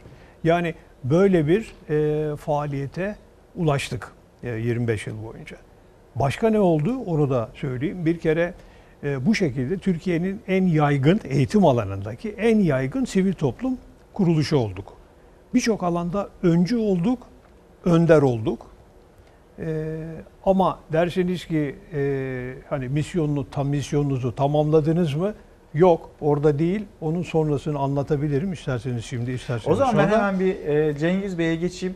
Şimdi 3 milyon öğrenci 1994 yılından 2020 yılına kadar 95. 95 Fiilen yılından 95'ten 2020 başladı. yılına kadar karşılaştıklarınız da oluyor. Bu size nasıl e, ne hissettiriyor? Ee, şimdi ondan evvel ben o gün kurucumuzun sıraladığı ilkelerden söz etmek Lütfen, istiyorum. buyurun. Bu vakıf siyaset ve ideoloji girmeyecek dedi. Şeffaf olacak, hesapları uluslararası bir denetçi firmaya denetletilecek dedi. Yaptıklarımız Türk halkına iyi anlatılacak. Türk halkı yardımseverdir. Bu vakıf Ahmet'in, Mehmet'in bizim vakfımız olmaktan çıkacak. Türkiye'nin vakfı olacak dedi. O gün konudan ilkeler aynen gerçekleşti. İlker Bey şöyle söyleyeyim. Bu dile kolay. 3 milyon 6 ile 13 yaş arasındaki çocuk hayatına dokunduk. Onların ve ailelerinin kader diye yakla, e, adlandırdıkları yaşamlarına bir umut penceresi açtık. O gün 6 yaşında olan çocuğumuz bugün 31 yaşında. Önümüzdeki mütevelli genel kurulunda TEGEV'den yetişmiş bir çocuğumuzu yönetim kuruluna alacağız. Harika.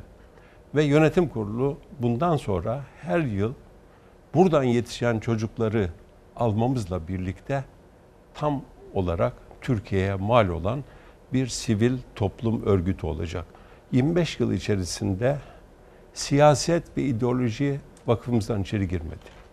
Bu nefis. Zaten hani olması gereken En bu. ufak en ufak bir yüz kızartıcı bir olayla karşılaşmadık. 3 milyon çocuk, 90 bin yaşları 18-25 arasında %90'ını oluşturan gönüllüden bahsediyoruz. Eğitim mi siyasetin içinde değil, siyasetin dışında siyaset üstü tutmak gerekiyor ve siz e, bunu başarmışsınız. Şimdi e, size de hemen bu, bu arada ekranı da geliyor neler yaptıklarınız, neler başardıklarınız. Şimdi hemen oraya geleyim. Sonra ya neden siyaset üstü tutulması gerekiyor eğitimin? Bugün bir işsizliği yaşıyoruz. Hani 1994 yılında o masada siz konuşuyordunuz. Bu ne olacak bu memleketin hali diye. E, sonra bu çalışmanın içine girdiniz. 3 milyon gencimiz onun hayatını tuttunuz, ellerini tuttunuz, umut oldunuz. Ama sene 2020 işsizliği yaşıyoruz. Mesela beyin göçü diye bir gerçekle karşı karşıya ülkemiz. Bunlarla ilgili ne yapılması gerekiyor? Yine e, eğitim sadece devlete bırakılabilecek bir konu, mesele değildir cümleniz de mesela çok çarpıcı. Ee, düşünün ki iki bakanlığın önünde milli kelimesi vardır. Biri Milli Savunma Bakanlığı'dır. Biri Milli Eğitim Bakanlığı'dır. Ve buralara da siyasetin ve ideolojinin girmemesi gereken iki önemli bakanlıktır. Biz buradan hareket ederek e, saygın olmak ve Türkiye'nin tüm bireylerinin kucakladığı bir vakıf olmak için buna önem verdik.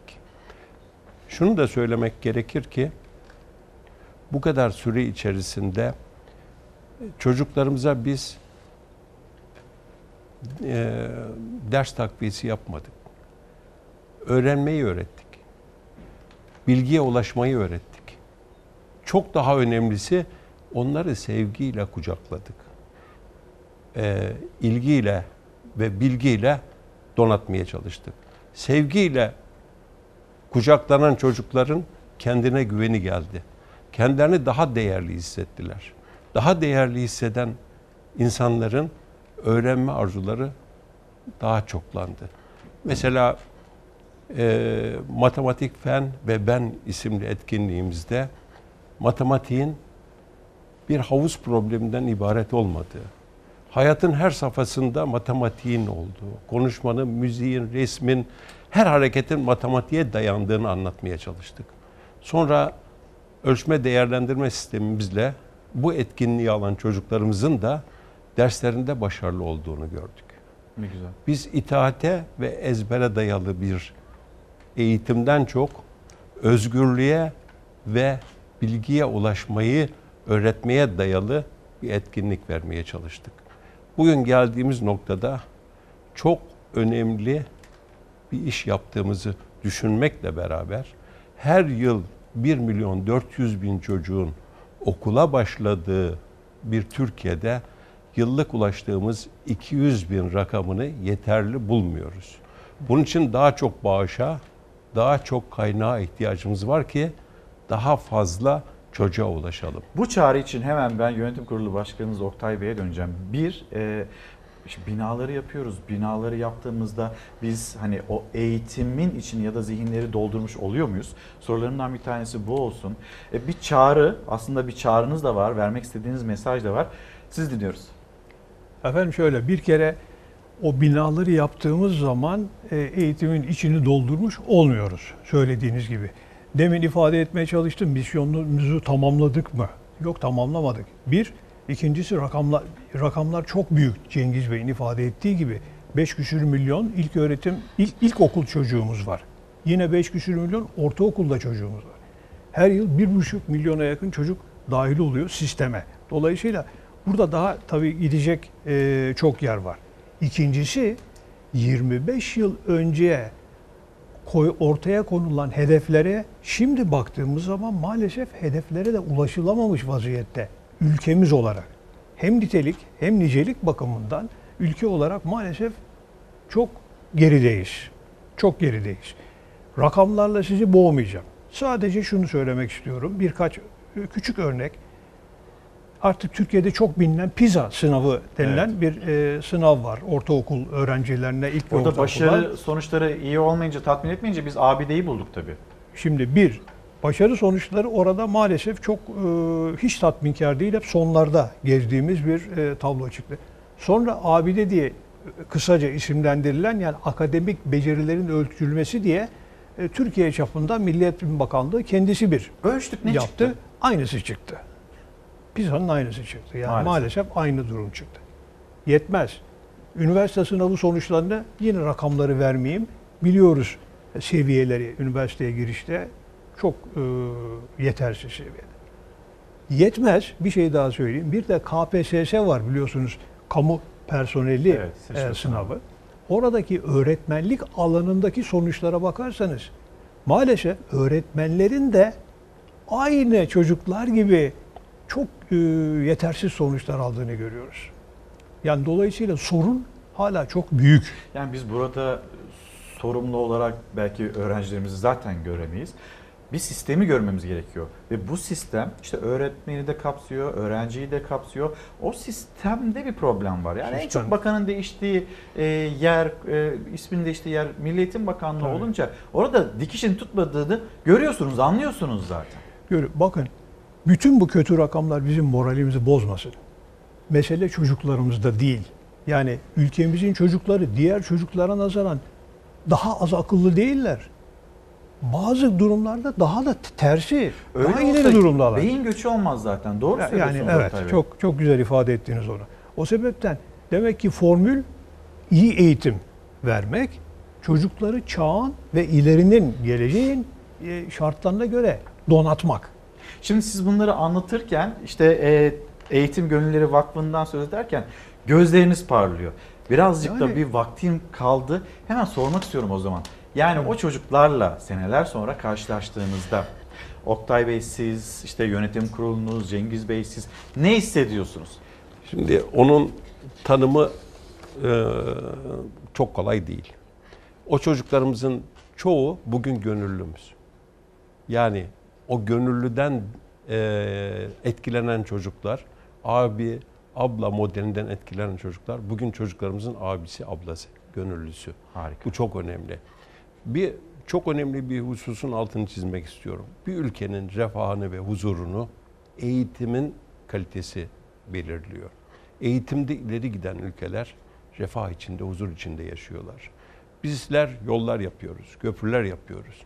Ama geleceğe aydınlığa çıkaracak köprüyü, eğitim köprüsünü yeterince yapamıyoruz. Bu çok önemli. Yani bizim 80 milyon olarak bugün yaşadığımız sıkıntıları çocuklarımızın yaşamaması için eğitime, eğitime, eğitime çok önem vermeliyiz. Gündemimizin birin- birinci maddesi hep eğitim olmalı. Oktay Bey. Sadece eğitim değil. Gelecek yani Atatürk'ümüzün söylediği bir söz vardır ya istikbal e, göklerdedir Göklerde, diye. evet. Şimdi ondan ilham olarak şunu da söyleyebiliriz. Gelecek de teknolojidedir. Dolayısıyla bu eğitimi verirken geleceğe dönük donanımları demin söylediğim gibi vermemiz lazım çocuklara. Çünkü dünyaya bakın şimdi. Dünya kesin ikiye ayrılmış durumda. Bir tarafta teknolojiye hakim ülkeler var. Bir elin parmakları kadar fazla değil biliyoruz. Bir de diğer ülkeler var. Onlar da mahkum ülkeler. Yani onlara mahkum ülkeler. Hakim olanlar. Şimdi buradan sıyrılmanın yolu nedir? Çocuklarınızı çok iyi eğiteceksiniz. Doğru eğiteceksiniz.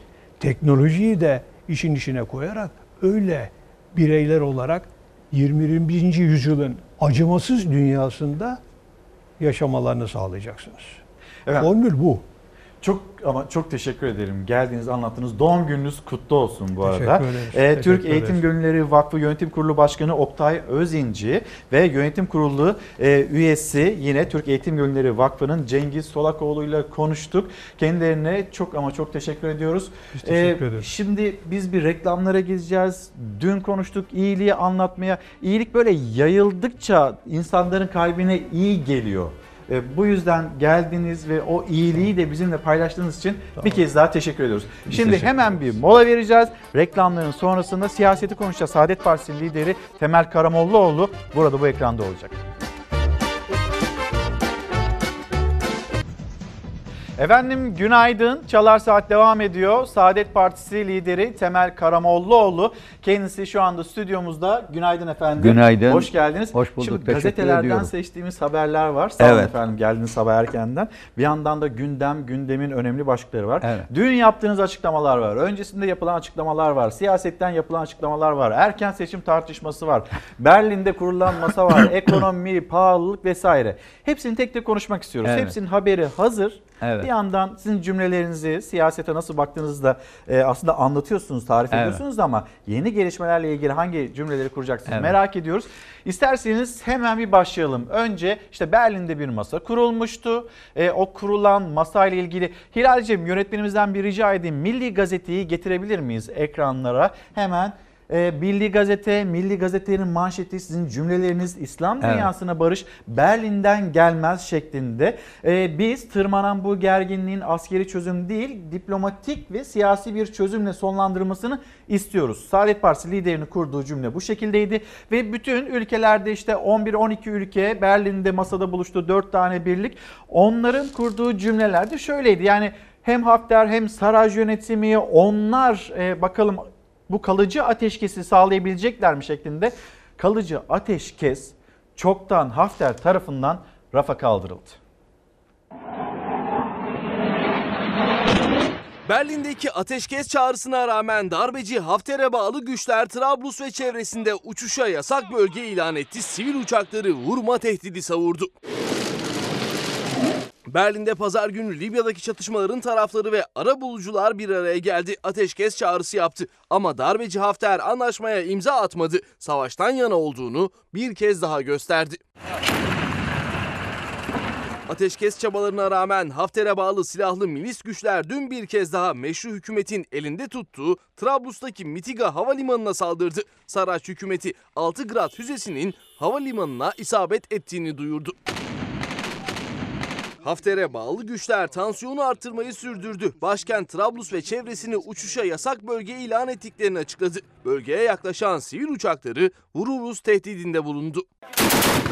Darbeci Hafter'in askeri sözcüsü Mismari, başkentin dünyaya açılan tek kapısı Mitiga Havalimanı çevresindeki tüm sivil ve askeri uçuşları meşru hedef sayacaklarını duyurdu. Mitiga Havalimanı İdaresi ise havalimanındaki uçuşların bir sonraki emre kadar durdurulduğunu açıkladı. Libya'da tansiyon yine yükseldi. Libya'daki son durum böyle. Efendim şimdi dün işte İslam dünyasına o barış gelecekse o Berlin'de kurulan masalarla gelmeyecek Geldi. değerlendirmesi yaptınız.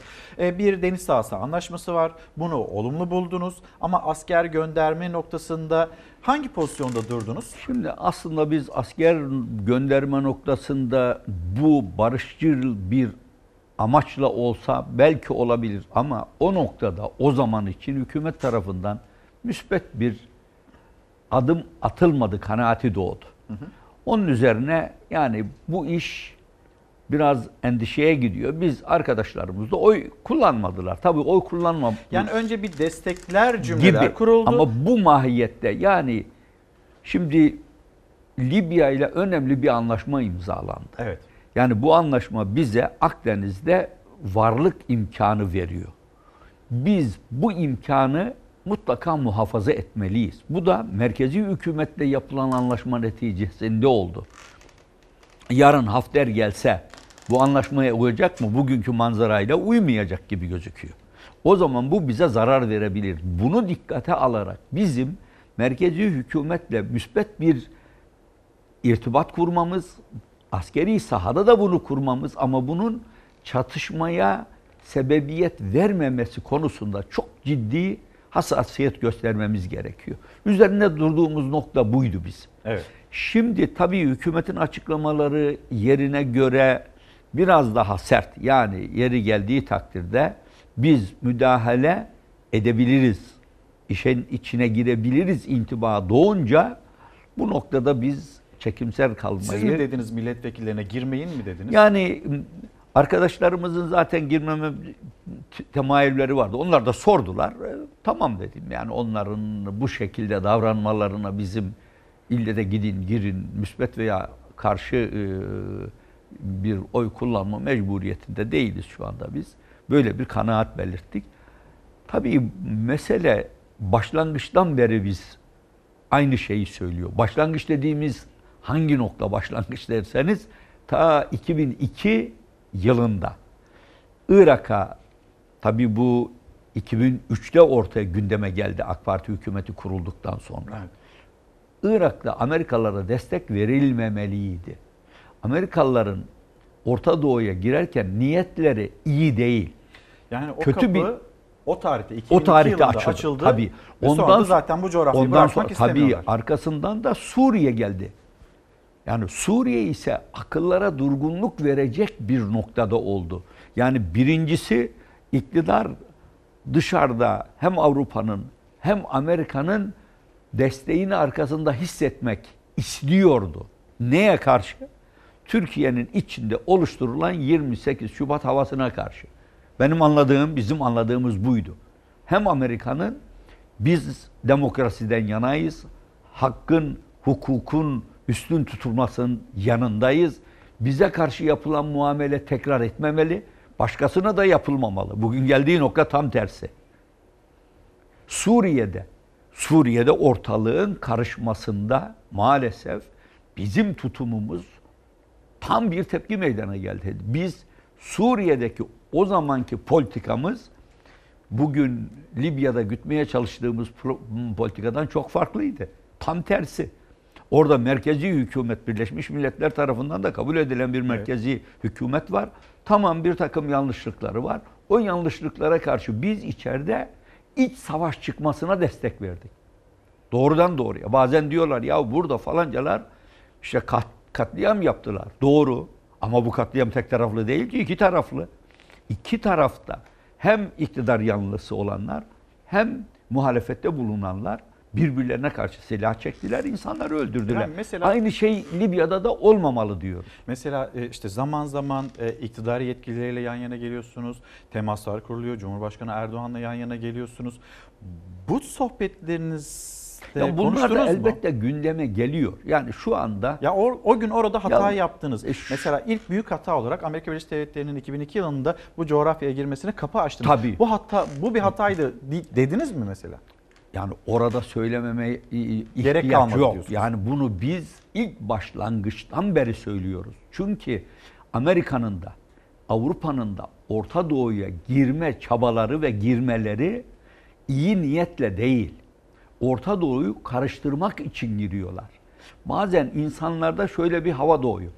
Amerikalılar başarılı olamadılar. Burada kaos meydana geldi. Yok ya Amerikalılar orada kaos meydana gelmesi için varlar. Demokrasi için gelmiyorlar. Gelmiyorlar. Zaten. O cümleyi de kurdular efendim. Yani e, ABD Başkanı Trump'ın cümleleri ya ben bana ne sınırdan ben orada petrole bakarım. Bu cümleyi tabii, kurdu. Tabii tabii. Orada orada kendi menfaatlerini gittiler Kerkük'te şurada burada kendi menfaatlerini teminat altına aldılar. Arkasından Suriye'de o Arap Baharı ne oldu? Kayboldu gitti. Bir şey kalmadı. Ama buradaki çıkan savaşa Türkiye kesinlikle engel olabilirdi. Suriye'nin karışmasına daki en büyük suç kusura bakmasınlar ama bugünkü iktidarın suçudur. Libya'da da biz aynı durum meydana gelmesin. Libya buradan biraz daha uzakta ama yine de Batı'nın Orta Doğu olarak tarif ettiği bölgede. Libya'nın nesi var? Sadece petrolü var. Başka bir şey yok ki. Evet toprakları geniş. Ama o topraklarda yani büyük ziraat yapılıp büyük, da büyük alanı çöl. Ha bir dışarıya satacaklar bir şey yok. Esas itibariyle petrol.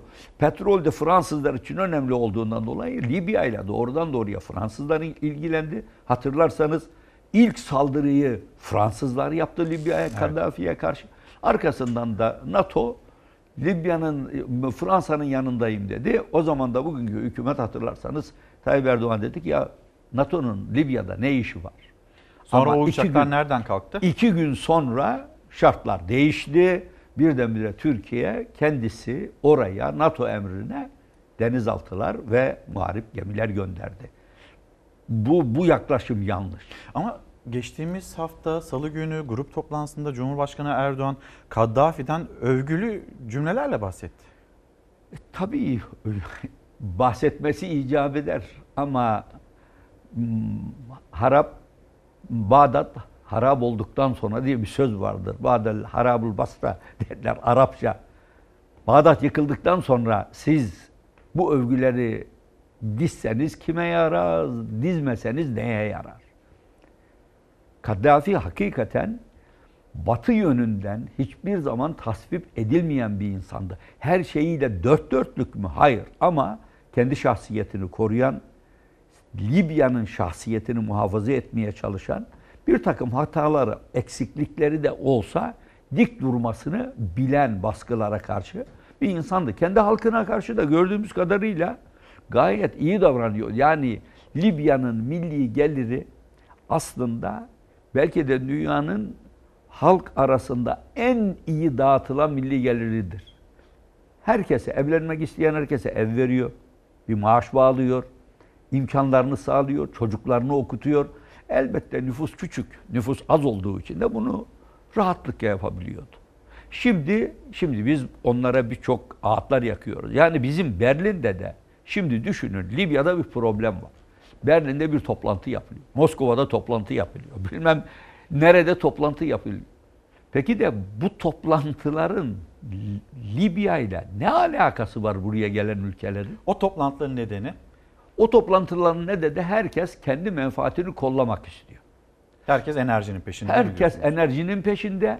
Tabii stratejik olarak bu Akdeniz bölgesindeki bütün e, ülkeler aynı zamanda Orta Afrika'ya açılış, Afrika'ya açılış kapıları bir bakıma. Türkiye'de Doğu Akdeniz'deki haklarını korumak için orada. İşte Türkiye'de Doğu Akdeniz'deki aslında kendi hatası, bizim kendi hatamızla kaybettiğimiz haklarımızı koruma sevdasına düştük.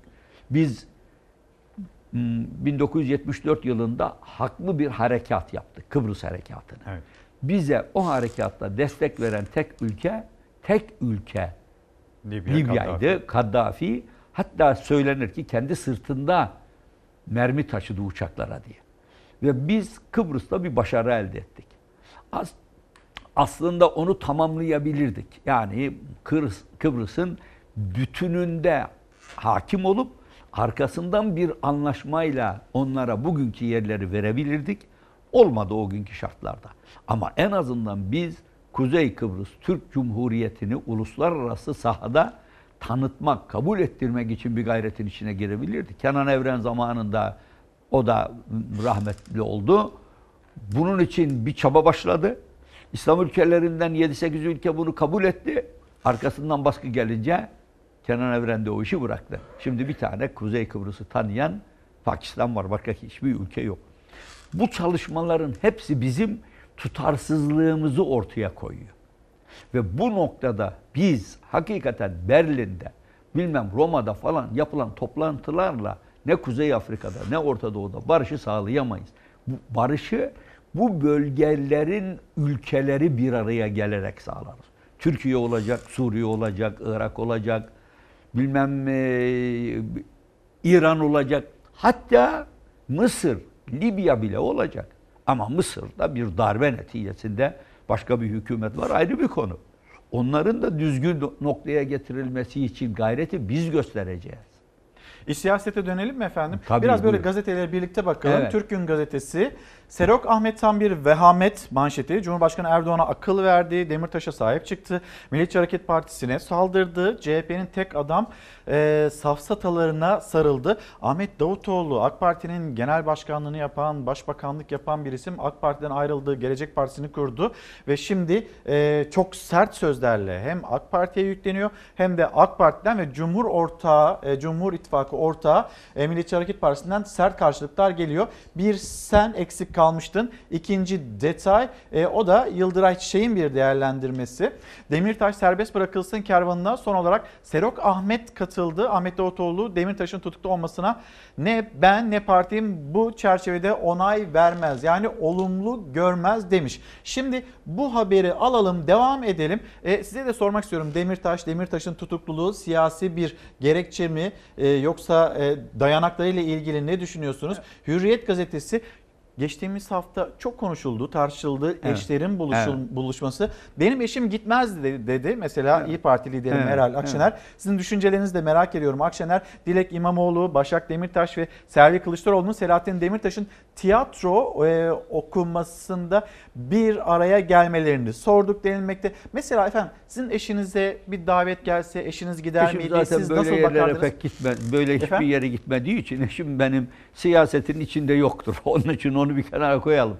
Hiç bu meselelerle bizim bir e, yani fazla bir ilgimiz yok. Onun için onu ayrı tutuyorum. Ancak burada şu var. Yani ben siyasetin bu kadar çirkinleşmesine, ayağa düşmesine, kelimelerin, cümlelerin çarpıtılmasına üzülüyorum. Hiç sevmediğimiz bir insan mahkemeye düşse, bizimle şahsen kavgalı olsa, mahkemede dese ki bu adam suçlu. Tamam biz de deriz ki bak zaten ben biliyordum bu adamın suçlu olduğunu. Bundan oraya da tavır sergiliyordum. Ama tam tersi olsa mahkeme dese ki bu adam suçsuz. Şimdi ben eğer hukuku üstün tutuyorsam, mahkemelerin de adil olduğuna inanıyorsam o adamı suçsuz kabul ederim. Benim kendi sempatim ayrı bir konu, o adamın suçlu olup olmaması ayrı bir konu. Adaletin kamil manada tecelli ettiğinin yani kelimeler eski kelimeleri kullanıyorum diye biraz bazen gençler hmm, bunu bunları belki anlamıyor diye düşünüyorum. Ama ka, e, adaletin kamil manada sağlandığının göstergesi, en açık göstergesi sizin hasmınıza adil davranabilmenizdir. Siz hasbınıza adil davranabiliyorsanız... Bu yargılamayla ilgili ne düşünüyorsunuz o zaman? Ha, bu yargılamada şu ana kadar şunu biz söylüyoruz. Bir, biz her zaman terörün karşısında olduk. İki, PKK'yı her zaman bir terör örgütü olarak gördük. Üç, biz Türkiye'de kimsenin de PKK ile birlikte hareket etmesinin bu sebepten dolayı doğru olmadığını da ifade ettik. Ancak eğer bir parti Türkiye'de suçlanmamışsa, siyasi faaliyetine devam ediyorsa, aleyhte bir karar yoksa, kim olursa olsun o partinin genel başkanı meşru bir genel başkandır. Ta ki mahkemeler tarafından suçu sabit görülüp mahkum edilene kadar. Şimdi bir insan bunu dile getiriyor diye o partinin ne sempatizanı ne o partinin başkanını destekleyen o partinin taraftarı olmuş sayılır. Şimdi bu, bu, bu cümleyi bu, kuran kişi, adaleti savunan kişi, hukuku savunan kişi. Evet. Böyle değerlendirmek lazım diyorsunuz. Böyle olması icap eder. Şimdi Demirtaş şundan veya bundan dolayı hapse girmişse bir mahkeme kararıyla mı hapishanede bulunuyor şimdi yoksa başka bir sebepten dolayı mı tutuluyor? Onun için bu noktalara yaklaşırken gerek Ahmet Davutoğlu geç gerekse ben deniz yani geçmişte ya bir insan mahkeme tarafından suçlu bulunmamışsa henüz o insanı suçlu ilan etmek doğru değil.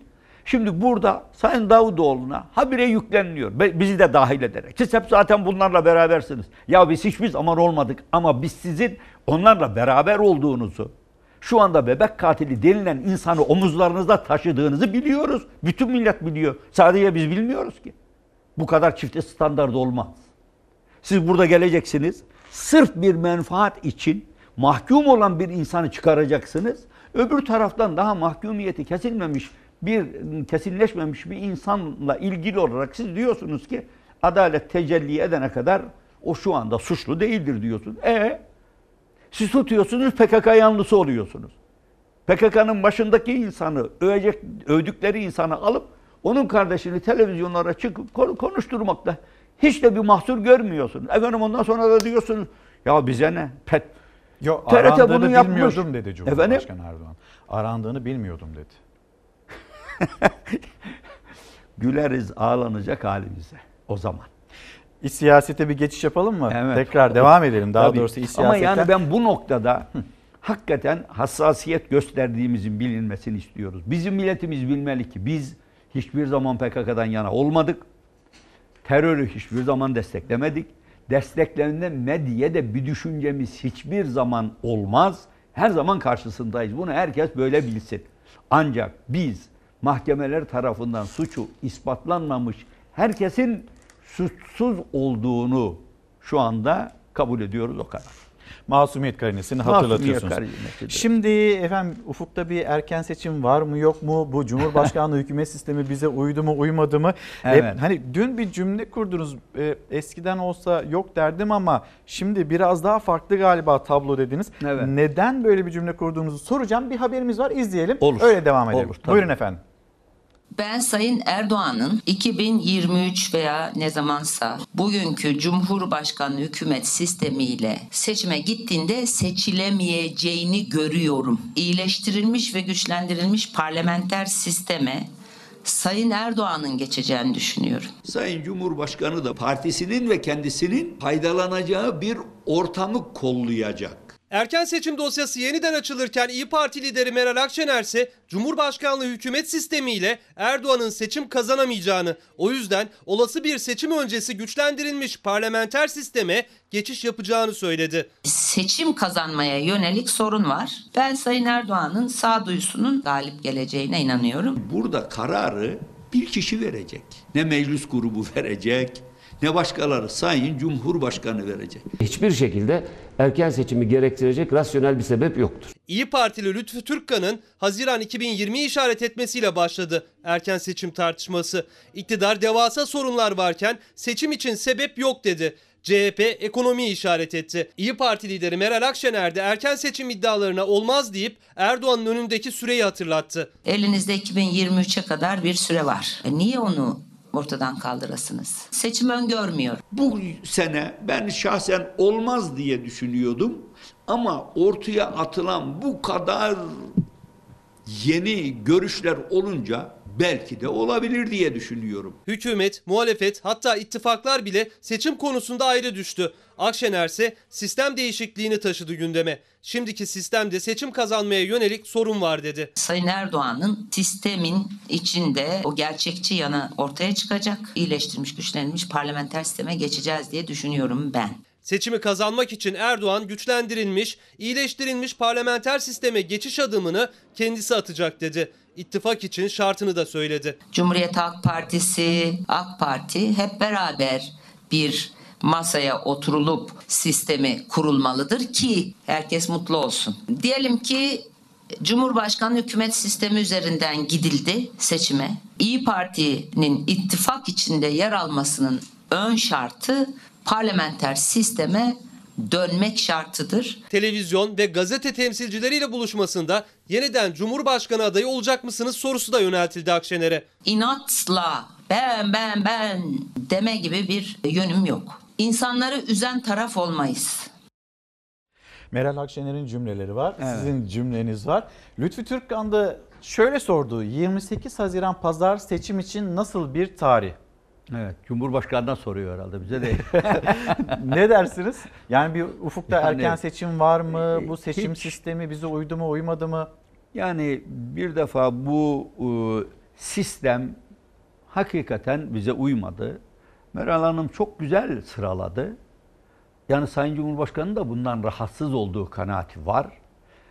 Yetkileri tamamını toplamış olmaktan memnun ama bu yetkilerin üzerine yüklemiş olduğu yükün farkına vardıkça da zorlandığı kanaatindeyim. Çünkü tek o var. Dünyada başka bir Ya- sistem yok böyle. Meral Hanım'ın dediği gibi parlamenter sisteme dönülecek ve bunun adımını Cumhurbaşkanı Erdoğan mı atacak? Yo- Şöyle yani, yani bu bir iyi, cümleyi? bu bu iyi niyet ifadesi olursa çok memnun oluruz. O kadar. Çünkü başka kimse bu kararı verecek değil. Hiç kimse yok. Sadece Sayın Erdoğan kendisi verecek bu kararı. Müzakere edebileceği, müzakere ettikten sonra da müşterek bir akılla karar vereceği bir ortam yok. Ve Tayyip Bey birazdan mizaç olarak tek başına hareket etmeye, kararları vermeye yatkın bir insan, otoriter bir insan. Bundan dolayı da kararı o verecek. Onun için müz olur mu olmaz mı? İşte diyoruz ki eskiden ben hiç olacağını düşünmüyordum ama son gelişmeler Tayyip Yani Bey'in oldu? Son ortaya işte her konu önemli bir hadise olarak ortaya kon. Libya patladı birdenbire. Kanal İstanbul patladı birdenbire. Bütün bunlar ya acaba biz bir yere doğru mu götürülüyoruz? Çünkü ısrarla biz de, kararlıyız. Dediğimizi yaparız. E, o zaman ortaya suni bir kavga çıkarılıyor. Yani tabiri caizse yani bir kaşık suda fırtına estiriliyor. Bu da yeni bir oluşumun içine mi, yeni bir e, döneme mi giriyoruz kanaatini insanlarda doğuruyor. Bundan dolayı da diyorum ki yani bu sene seçim olabilir. Eğer bu sene seçim olursa zaten bir O zaman tarihe ne dersiniz? Haziran sonu, Temmuz başı veya Eylül sonu, Ekim ayında en fazla Kasım ayında olabilir. Bu sene olacaksa. Tabii Haziran çok yakın ama olmaz diye de bir kaide yok. Buradaki bütün mesele Tayyip Bey'in bugün anketlerdeki gelişmelere bakarak önünü nasıl gördüğüne bağlı. Şöyle gözüküyor. Biz de takip ediyoruz anketleri. Ne diyor anketler AK, efendim? AK Parti sürekli olarak kan kaybediyor. Sürekli ama. Bunun içinde Tayyip Bey'e karşı şahsen bir sempati var. O da azalıyor eskiye nazaran. Artık seçime gidildiğinde Sayın Erdoğan yüzde 51'leri göremiyor. Onun için 40 artı 1 diye bir formül ortaya atıldı. Yani 40 artı 1 diye bir formül olmaz da şöyle olabilir. Yani bir seçim yapılır. Seçimde en çok oyu, oyu alan seçilmiş olur. İsterse 40 olsun. En çok oyu alan. Şimdi bu mantık şimdilik kendisini avantajlı gösterebilir. Böyle görüldüğü için acaba diye soruluyor topluma. Onun için burada Tayyip Bey'in bütün ileri görüşlülüğü ortaya çıkacak. Bütün gelişmeleri takip ederek sürekli kaybeden bir parti, sürekli kaybeden bir insan kendisinin nerede bu işi durdurabileceğini, hangi noktadan itibaren süre geçiyorsa geri dönüşün artık imkansız olacağını tahmin ediyorsa o tarihte seçime gidecek. Yani şu anda bu geriye gittiği belli.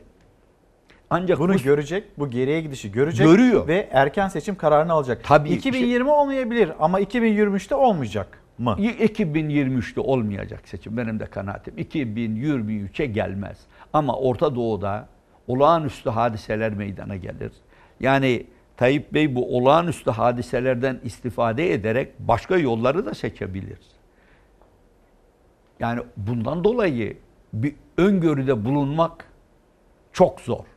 Bir kişi karar veriyor. Bir topluluk karar verse onları etkilemek mümkün. Ama bir kişi karar veriyor. O bir kişi de doğrudan doğruya anketlere bakacak ve kendi geleceğine göre karar verecek. Benim kanaatim o. Şimdi bu konuyla devam edeceğiz. Ee, Hilal ben senden rica edeyim bir, bir gün gazetesi detay vardı. Meral Hanım İyi Parti lideri e, ön şartımız bizim hani ittifak için ön evet. şartımız parlamenter sisteme geri dönülmesi şeklindeydi. Evet. Ve bir gün gazetesinde bir ittifak formülünden bahsediliyor ki bu Ankara'da çokça konuşuluyor. Siz buna nasıl bakarsınız onu merak ediyorum. Şimdi İyi Parti yeni bir sağ blok oluşacak mı olmayacak mı? İyi Parti, Saadet Partisi, AK Parti'den kopan isimler bir yanda Davutoğlu diğer taraftan e, Ali Babacan. Bu isimler yan yana gelecek bir ittifak oluşturacak. Cumhuriyet Halk Partisi tek başına, HDP tek başına ama hepsinin de isteği Cumhur İttifakı'nın karşısında parlamenter sistemi, güçlü parlamenter evet. sisteme geri dönüş şeklinde. Evet. Böyle bir sağ blok geliyor mu efendim? Ya şimdiden bunu söylemek mümkün değil. Bütün bunlar önümüzdeki aylarda veya bir iki yıl içindeki gelişmelere bağlı olarak ortaya çıkar. Şimdiden sadece böyle bir şey ortaya koymak doğru bir yaklaşım olmaz. Çünkü halkın eğilimlerine bakmadan bir kanaat belirtmek bizi yanlışa götürebilir. Burada yalnız Sarın Akşener'in söylediği doğru. Bu sistem mutlaka değişmeli. Zaten geçen sefer biz de ittifakın içinde yer alırken iki konuyu düşünerek aldık. Bir yüzde on barajı, iki bu sistemin değişmesi. Biz bu sistemin değişmesinde denetlenebilir bir başkanlık sistemine de evet diyebiliriz. Kanaatini ifade etmiştik. Yani evet. bir baş, Amerika'dakine benzer tarzda bir başkan ama onun karşısında çok güçlü bir meclis. Son zamanlardaki gelişmelere bakarak şunu görüyoruz ki bu artık mesela Amerika'da bile kutuplaşmayı artırıyor. Türkiye'de ise tam manasıyla bir kutuplaşma havası meydana geliyor. İnsanlar birbirinin artık farklı partilerde partiler içinde iseler dostu olmuyorlar birbirlerine. Hasım kesiliyorlar. Bu bize zarar veriyor. Güçlü bir meclis diyorsunuz efendim. İki gündür mecliste milletvekili bulunamıyor. Başkanlık divanı oluşturulamıyor. Milletvekilleri işte meclisin genel kurulunda toplanmıyor. Memleketin önemli konuları var. Ve Evet. hani bu, bunların konuşulması gerekiyor. İşte ama meclisin Bundan hiçbir hükmü yok ki. sadece muhalefet milletvekilleri değil aynı zamanda AK Parti milletvekilleri Elbette, de bundan şikayet elbette, ediyor. İşte bakanlara elbette. ulaşamadıklarını söylüyorlar. E zaten bakanlarla alakaları koptu. Bakanlar meclise. Şimdi bu bütçeden sonra Sayın Cumhurbaşkanı iki tane bakanın mecliste nöbetçi kalmasını söyledi. Ne olursa olsun. Bakanlarla milletvekillerinin arası kesildi. Çünkü bakanların artık milletvekillerine ihtiyacı yok. Bakanlar meclisin Türkiye'nin bakanı değil, Cumhurbaşkanı'nın doğrudan doğruya sekreteridir. Ben bunu ısrarla söylüyorum. Sekreterliği hafife alarak söylemiyorum. Amerika'da bakanların adı sekreterdir. Amerika'daki ne Sistem- atıfta bulunarak Ha, söylüyorsunuz. ona bulunarak sekret ne manaya geliyor sekreter dediğimiz burada? Doğrudan doğruya Cumhurbaşkanına veka, vekaleten hareket eden, karar veren insanlardır. İstediği zaman alır onu. Şimdi hemen geçeceğim. Yeni bir Onun sağ için- blok. Böyle bir blok kurulursa peki ittifakın bozulması anlamına mı gelir? Diyor yani ben şimdilik bu tartışmaların basında yapılmasının bir mahsurunu görmüyorum da ben bu tartışmaların içine girmeyi doğru bulmuyorum şu anda. Peki. Siyasi partiler olarak şimdiden böyle bir adım prensiplerimiz belli, kurallarımız belli. Ancak seçime giderken seçim şartlarında bu değerlendirmeler nasıl şekillenecek? O günün şartlarına bakarak karar verilecek. Şimdiden bir karar vermek kanaatime göre yanlış olur. İki başlık daha var. Evet. Onlardan bir tanesi siyaset, e, FETÖ'nün siyasi ayağı var mı yok mu? Bu konuşuluyor, tartışılıyor. Şimdi bununla ilgili hazırladığımız bir haber var. Sonraki başlık konusu da Kanal İstanbul işte 75 milyar lira, 100 milyar lira hani e, bu böyle maliyetlerden söz ediliyor. İnşaatın kıymetli olabileceğini, istihdam yaratabileceği söylenirken Din İşleri Yüksek Kurulu'ndan da bir faiz açıklaması geldi. Onu da sormak istiyorum. Biraz hızlı gidelim. Olur, olur. İsterseniz Tabii, tabii. hemen Buyurun. siyasette FETÖ'nün siyasi ayağı var mı yok mu Evet. tartışması. İzleyelim öyle sürdürelim. Eğer ispatlayamıyorsan demek ki bunlar sende. Ya CHP içinde var, ya İP'te var, ya HDP'de var. Çıkar o zaman sen bunları. ispat et. Ne kadar uğraşırlarsa uğraşılsın benden bunu çıkaramayacaklar. Çünkü yok. Bunu da en iyi Sayın Erdoğan biliyor. Cumhurbaşkanı Erdoğan'ın İyi Parti'yi de katarak yaptığı FETÖ suçlamasına Akşener ses yükseltti. Hakkında açılmış FETÖ soruşturmasını da hatırlatarak. Meral Akşener şüpheli olduğu dava 3,5 yıldır tık yok. Dilekçe veriyoruz benim ifademi alın. Kardeşim bu iddianame hazırlanamaz mı? Vallahi hani aa bizle eğleni. Bunu muhalefete yüklemenin bir mantığı olmaz. Konuya iktidar artık kendi siyasi menfaati yönünden yaklaşıyor. Kimse benim yan yana karşı karşıya tokalaşırken fotoğrafımı bulamayacak yok. FETÖ FETÖ FETÖ diyerek FETÖ işini işte sulandırıldı. Herkes aynaya baksın. Telefon dinlemeleri yapanlar şunlar bunlar yani işin e, bürokratik boyutu ne yapmış ki bugüne kadar gökyüzüne mi bakmış? FETÖ'nün siyasi ayağı tartışması Bahçeli'nin FETÖ'nün siyasi ayağı temizlenmeli çıkışıyla alevlendi. CHP meclis araştırma önergesi verdi ama AK Parti ve MHP oylarıyla reddedildi. Tartışma Cumhurbaşkanı'nın Kılıçdaroğlu'na bizde yok ya CHP ya İyi Parti ya HDP içinde yanıtıyla yeni bir evreye taşındı. Sürekli bir sakız çiğneme hali var. Bir süre sonra bumerang gibi ilgililerin boynuna geçer. Yurtta Sulh Konseyi'ni incelerseniz siyasi ayağı da bulmuş olursunuz. Yurtta Sulh Konseyi'ni araştırmak için de bir araştırma önergesi verdik. Küçük ve büyük ortak tarafından reddedildi. Madem mecliste bu iş istenmiyor, götürecekler, verecekler savcılara. FETÖ'nün sadece siyasi ayağı değil yargı ayağı da tartışılan başlık. Bunların hepsinin talimatlarını da verdik. Kararlar doğrudan doğruya Cumhurbaşkanlığı tarafından alınıyor. Ancak üçüncü sınıf derebeyliklerde böyle kurallar olur. Yerel mahkemenin müebbet verdiği, istinafın beraat ettirdiği ve itiraz üzerine tekrar tutuklanan Metin İyidil için Cumhurbaşkanı'nın talimat verdik açıklaması, beraat veren hakimlere FETÖ'cü suçlaması gündemde. Adalet Bakanı'na da soruldu. Yargı süreci devam eden bir konuda e, bu süreci saygıyla beklemek gerekir. SSK'nın da idari soruşturması devam ediyor. Hepimiz bu süreci saygıyla bekleyelim. Artık hakimler verdikleri kararda ne yapacaklarında şaşkınlar. Kararı veren kişi veya kişilerin de FETÖ'cü olması Cumhurbaşkanı FETÖ'cü dediği hakimler için muhalefetin sorduğu niye görevdeler sorusuna verilen henüz bir yanıt yok. HSK da görevdeki hakim ve savcılarla ilgili FETÖ iddialarının titizlikle incelendiğini duyurdu. Siyasi ayağı, FETÖ'nün siyasi ayağı kimdir diye e, hani bu Evet. çıkışlar yapılırken siyasette en keskin olanını da siz yaptınız. AK Parti dediniz. Evet. Ee, geleceğim ama yine AK Parti'nin içinde iki isim Mustafa Elitaş ve yine e, Mehmet Metiner onların yaşadıkları bir tartışma var. Kayseri, Pensilvanya gibi gösteren Mehmet Metiner haddini aşmıştır diyor. Ee, Mustafa Elitaş'ın yaptığı açıklama bu şekilde.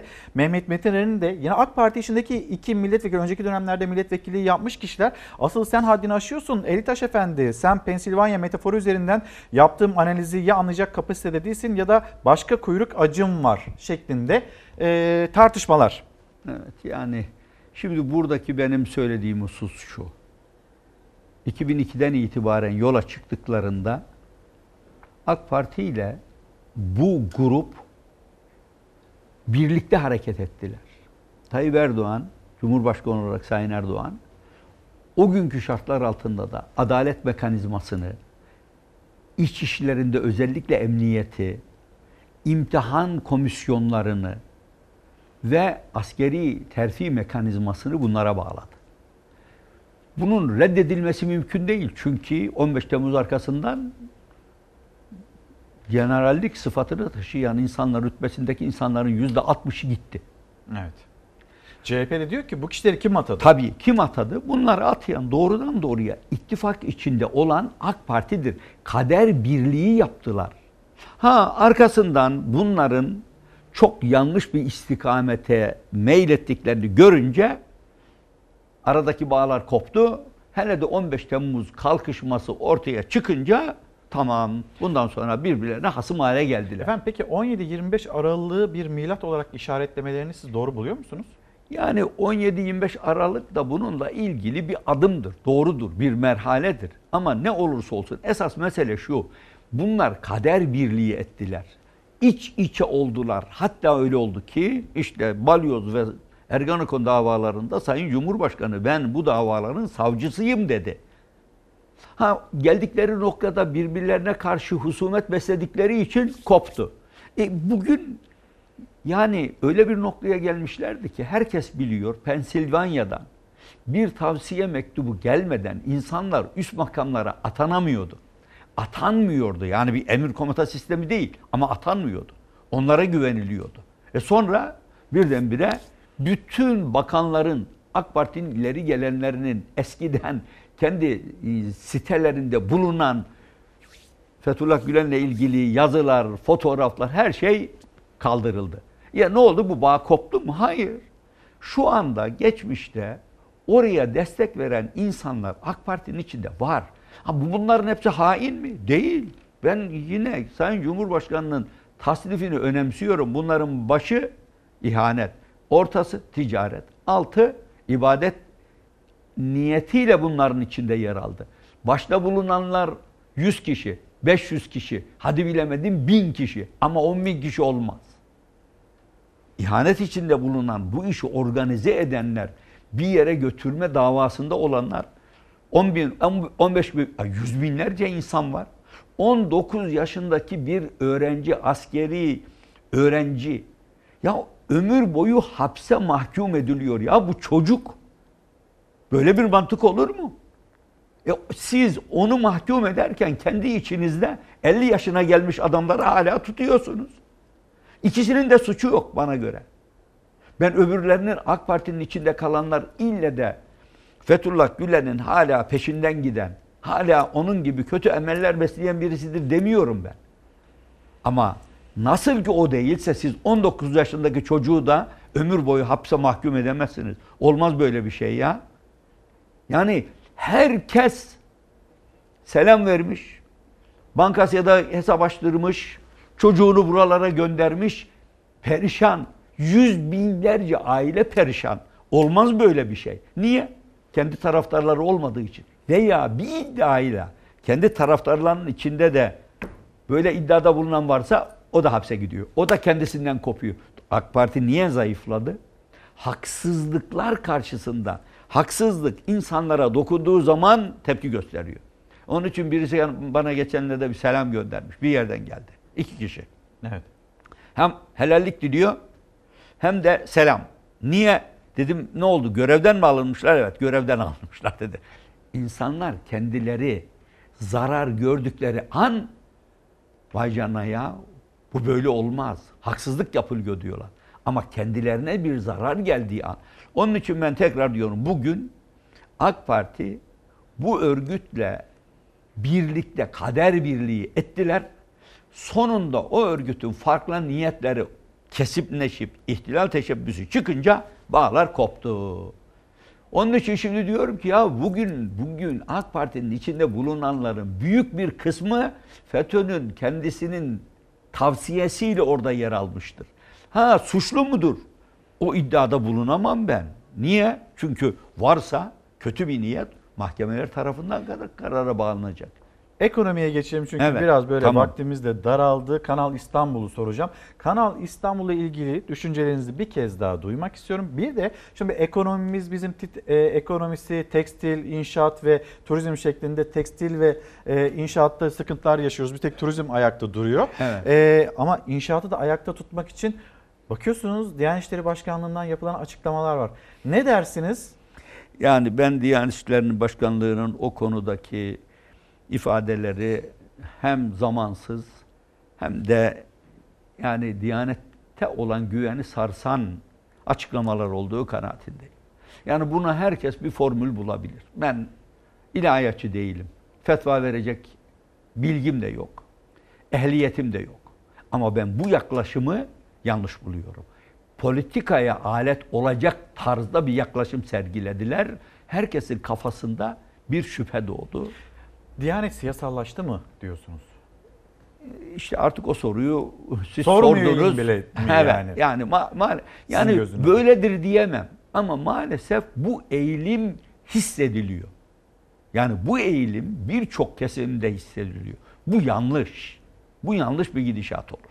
Bizim burada ekonomi... Efendim dinlemek ister misiniz Diyanet İşleri Başkanı'nın cümlelerini? Yok şart değil. Ya daha önceden dinlediğim bir şey. Şimdi burada şunu hemen ifade edeyim. Esas itibariyle inancın birkaç kademesi vardır. Evet. Birisi Cenab-ı Hakk'a imandır. Görmediğimize. Cenab-ı Hak kimse görmedi ki. Peygamberin peygamber olduğunu nereden biliyoruz? Peygamber Efendimiz'e Muhammedül Emin, emin insan denildiği için ben bir mesaj getirdim diyor. Meleklerine, ahirete inanıyoruz. Sonra bizim ibadetle ilgili Cenab-ı Hakk'ın bize emrettikleri var. Namaz dinin direğidir. Kötülüklerden alıkor. Oruç, zekat, hac gibi ibadetler var. Bunlar da şahısla Cenab-ı Hak arasındadır. Ancak ondan sonra esas hükümler gelir, muamelat gelir. Adalet mülkün temelidir devletin. Bu ilahi bir emirdir aynı zamanda. Adalet olmadan İslam olmaz. Dürüstlük, liyakat, devlet malı, kamu malını yiyip yememek, rüşvet alıp vermemek, faiz alıp vermemek, bunu bir kural haline getirmek. Bunlar kabul edilemez. Siz bir sistemin içinde komşu hakkının bile o kadar ileri gidiyor ki komşu hakkında Peygamber Efendimiz diyor ki acaba varis mi kılacak Cenab-ı Hak komşuyu komşuya diye düşündüm bir ara diyor. Şimdi biz bu ahlaki değerlerin hepsini bıraktık. Hiçbir tanesi kalmadı. Devlet malı yemek de. Niye? Ben davaya, bir davaya hizmet ediyorum. Rüşvet alıp vermek de. E zaten vardı. İfla, israf. Ya israf karşı tarafa güçlü gö- görünmenin bir vesilesi. Biz bundan vazgeçemeyiz. Adalet. Adalet ne? Benim söylediğim. Liyakat. Bana en yakın olan insan layıktır bir makama. E güzel ahlak. Kimseye küfür etmeyeceksin. Yalan söylemeyeceksin. iftira etmeyeceksin. Ama ya bir mücadelenin içindeyiz. Bu mücadelenin içinde yalan da söylenir, iftira da edilir. Yok arkadaş böyle İslam olmaz. Ve Kanal İstanbul. Kanal Hemen İstanbul. kısacık sorayım. ticari yani ekonomik yönden hiçbir kıymeti olmayan projedir. Olmayan bir projedir. Ama rant var mı? Var. Arsa rantı var. O kadar. Ben Kanal İstanbul'la ilgili bütün münakaşaları bir tarafa bırakın. Efendim fizibilite etüdünü yaptırdık. İşte Mondros mütarekesiyle ilgili şu konular var. Aslında bu bizim ileride faydamıza sağlanır. İşte şey olarak onun adı nedir? Ekolojik olarak bir takım problemler doğabilir ama bunların hiçbir tanesi gerçekleşecek diye bir kaide yok. Aslında faydalı. Bir Yapılacak de, mı efendim? Bir de efendim? Yapılacak mı? Ben Kanaatinizi merak ediyorum. Benim benim kanaatim bunu yetiş biti eğer hükümet Sayın Erdoğan kararlıysa bunu gerçekleştirmeye kendi siyasi ömrü yetmez kanaatindeyim.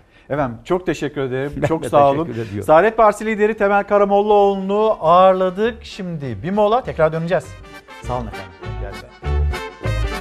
Efendim bir kez daha günaydın. Çalar Saat'e nokta koyacağız. Saatler 7.15'i gösterirken karşınızdaydık. Türkiye'nin, dünyanın, sizin bizim gündemimizi elimizden geldiğince anlatmaya çalıştık. Konuklarımız da vardı. Konuklarımıza da teşekkür ediyoruz. Ve kitaplar, Fısıldayan Masallar, Alev Topal. Çocuk Kasabası, Haklarımızı Öğrenelim, Aynur Karabulut ve Barış Deveci bizlere gönderdi. Teşekkür ediyoruz. Antalya'da, e, Antakya'da kahvaltı yapmak, 7 kadın ve o 7 kadının 49 nefis tarifi denilmekte bu kitapta. Şimdi kapatırken her zamanki gibi teşekkürümüz sizlere efendim. Bizi izlediğiniz için teşekkür ederiz. Yarın saatler 7.15'i gösterdiğinde bizler yine bu ekranda olacağız. Sizi de bekliyoruz. Güzel bir gün olsun.